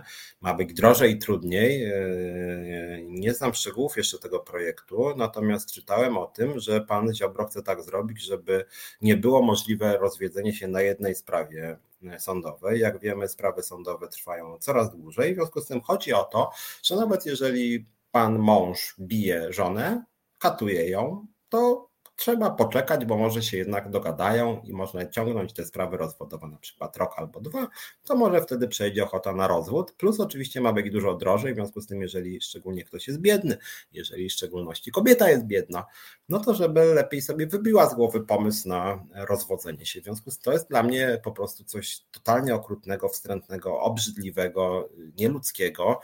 E, ja w ogóle nie, ja nie wiem, jak w ogóle można czegoś takiego bronić, szczerze powiedziawszy. Uważam, że to jest jakiś potworny pomysł. Jezu, ile wyście zrobili wpisów, a ja nie zdążę się już do nich odnieść. Słuchajcie, bo mam jeszcze trzy minuty. Kogo obchodzi Solidarna Polska, pyta Bartek. No niestety to jest część rządu właśnie i tu jest kłopot cholera, że ten Ziobro ma jakieś tam wpływy. No właśnie, może pan mąż zabije żonę i problem sam się rozwiąże. Lubomir Petrów po Huta pisze. No właśnie, tak to jest. Chociaż Kosmaty słusznie pisze, że może być mniej ślubów. Właśnie to, co oni robią, to jest e, niechęć ludzi do ślubów. Agata też o tym pisze, tylko jest jeden problem. To byłoby nawet ok, jak było mniej ślubów. Nie musimy wchodzić w te małżeństwa, w związku z tym, czy to jakiś obowiązek, tak? Problem tylko polega na tym, że oni z jednej strony, bo oni robią to samo, co z aborcją, moim zdaniem, będą robić, tak? Zakazać aborcji i na przykład później dać, nie wiem, kilka tysięcy złotych, żeby właśnie zmusić kobiety do rodzenia, właśnie do utrzymania tych zdeformowanych płodów i później rodzenia, nie wiem, jakichś umierających dzieci, które żyją tylko rok, a w zamian dostaną na przykład takie rodziny parę tysięcy złotych. I moim zdaniem oni to samo chcą zrobić z rozwodami. Ziobro utrudni rozwody, yy, będą bardzo drogie i później na przykład powiedzą, no dobra, co prawda tutaj mąż bije żonę, ale na przykład, żeby im się żyło lepiej, to sypnijmy gotówką, no nie wiem, program 3000 zł dla rodziny, gdzie jest przemoc domowa. To może jednak będzie im fajnie, bo co prawda będzie przemoc, ale będą trochę bogaci. Moim zdaniem taka jest logika. Pamiętajcie o tym, że w Polsce jest tak, że małżeństwa mają różne przywileje, na przykład podatkowe. W związku z tym, na przykład, oni dorzucą jeszcze trochę przywilejów podatkowych i powiedzą: OK, może przemoc jest, droga kobieto, może jesteś bita przez tego męża, gwałcona, może on ci pije, bije i w ogóle jest straszne to wasze życie, ale przynajmniej Dzięki temu, że pani będzie z nim w małżeństwie, to damy taką ulgę, że pani będzie miała 3000 zł więcej, więc może pani sobie kieckę na przykład kupi. No niestety o to tutaj chodzi. Czy się zaszczepiłem tą samą szczepionką co poprzednio? Nie. Byłem szczepiony dwa razy Moderną, a teraz Pfizera dostałem trzeci raz. No właśnie, Małgorzata pisze, że to jest e, program w pierdol domu plus. No generalnie tak, ja uważam, że to jest bestialskie prawo zupełnie, potworne. Uważam, że jest to, znaczy Przyznam, o ile jakby mówiłem, że ten nasz program z Krzyżaniakiem to jest e, ironia i gniew, to tutaj jest gniew, znaczy wręcz wściekłość. Jestem po prostu wkurzony. Jest to tak obrzydliwe, co robi Ziobro, że trochę mi się w głowie nie mieści. Jak można takiego bestialskiego prawa bronić, utrudniać ludziom rozwody, kiedy ludzie, znaczy to jest w ogóle zakładanie, że ludzie są jacyś, nie wiem, głupi, niesamodzielni. Jeżeli ktoś nie chce być drugim człowiekiem, to powinno się uprościć znacznie procedury rozwodowe. No jeżeli człowiek nie chce być z drugim człowiekiem, no to nie róbmy z ludzi baranów, no mają prawo się rozwieść, no to kurczę, no dlaczego zmuszać ludzi do tego, żeby byli ze sobą, jak, jak jest im źle, no to jest jakieś w ogóle nieludzkie, trzeba być jakimś skaniem bydlakiem, żeby utrudniać ludziom rozwody, coś obrzydliwego po prostu, w związku z tym zachęcam też wszystkich e, do tego, żeby też środowiska feministyczne, nie wiem, środowiska prawno-człowiecze, środowiska sędziowskie, żeby, żeby, żeby również przeciwko tej obrzydliwej ustawie mm, protestować, bo to jest rzeczywiście wyjątkowo podłe, a z tej samej problematyki za kilkanaście, za kilkanaście dni ma być procedowany 1-2 grudnia, bodaj pierwsze czytanie obywatelskiego projektu zaostrzającego przepisy dotyczące aborcji pani Kai Godek. Ma stracić moc ta ustawa 93 ostatecznie i ma się pojawić właśnie bestialskie prawa aborcyjne łącznie z dożywociem za aborcję. No cóż, straszne dosyć. Słuchajcie, musimy kończyć, więc na koniec tylko jedna rzecz zabawna, bo w końcu to jest też taki program szyderczy trochę. Ostatnio, ostatnio słuchajcie, e, e, pyta się, aha, czy AstraZeneca, teraz Pfizer to ok. Według mojej wiedzy ok. Nie czuję się ekspertem, ale jest dużo badań, że te szczepienia można ze sobą e, mieszać i że to raczej dobrze robi, wzmacnia odporność. Kacper Czerwonka przysięga przed Panem Bozią obowiązują dobre i złe. No tak, no to jest generalnie rzecz biorąc y, wdrażanie prawa kościelnego powiedzmy, czy jak Małgorzata Praszkę pisze, policja obyczajowa, wszędzie już teraz policja ma być, tak? Policja będzie nam mówić, że mamy być y, murem za mundurem i policja, że mamy być murem za małżeństwem i że, żebyśmy nie, byli przeciwni rozwodom, tak na marginesie do dzisiaj Kościół jest za zakazem rozwodów. No ale powiedziałem, że na koniec coś zabawnego. Otóż nie wiem, czy czytaliście, była taka sesja naukowa online w ramach Dni Jana Pawła II. Mm, sesja naukowa się nazywała Pojednanie, inspiracje płynące z przesłania Jana Pawła II.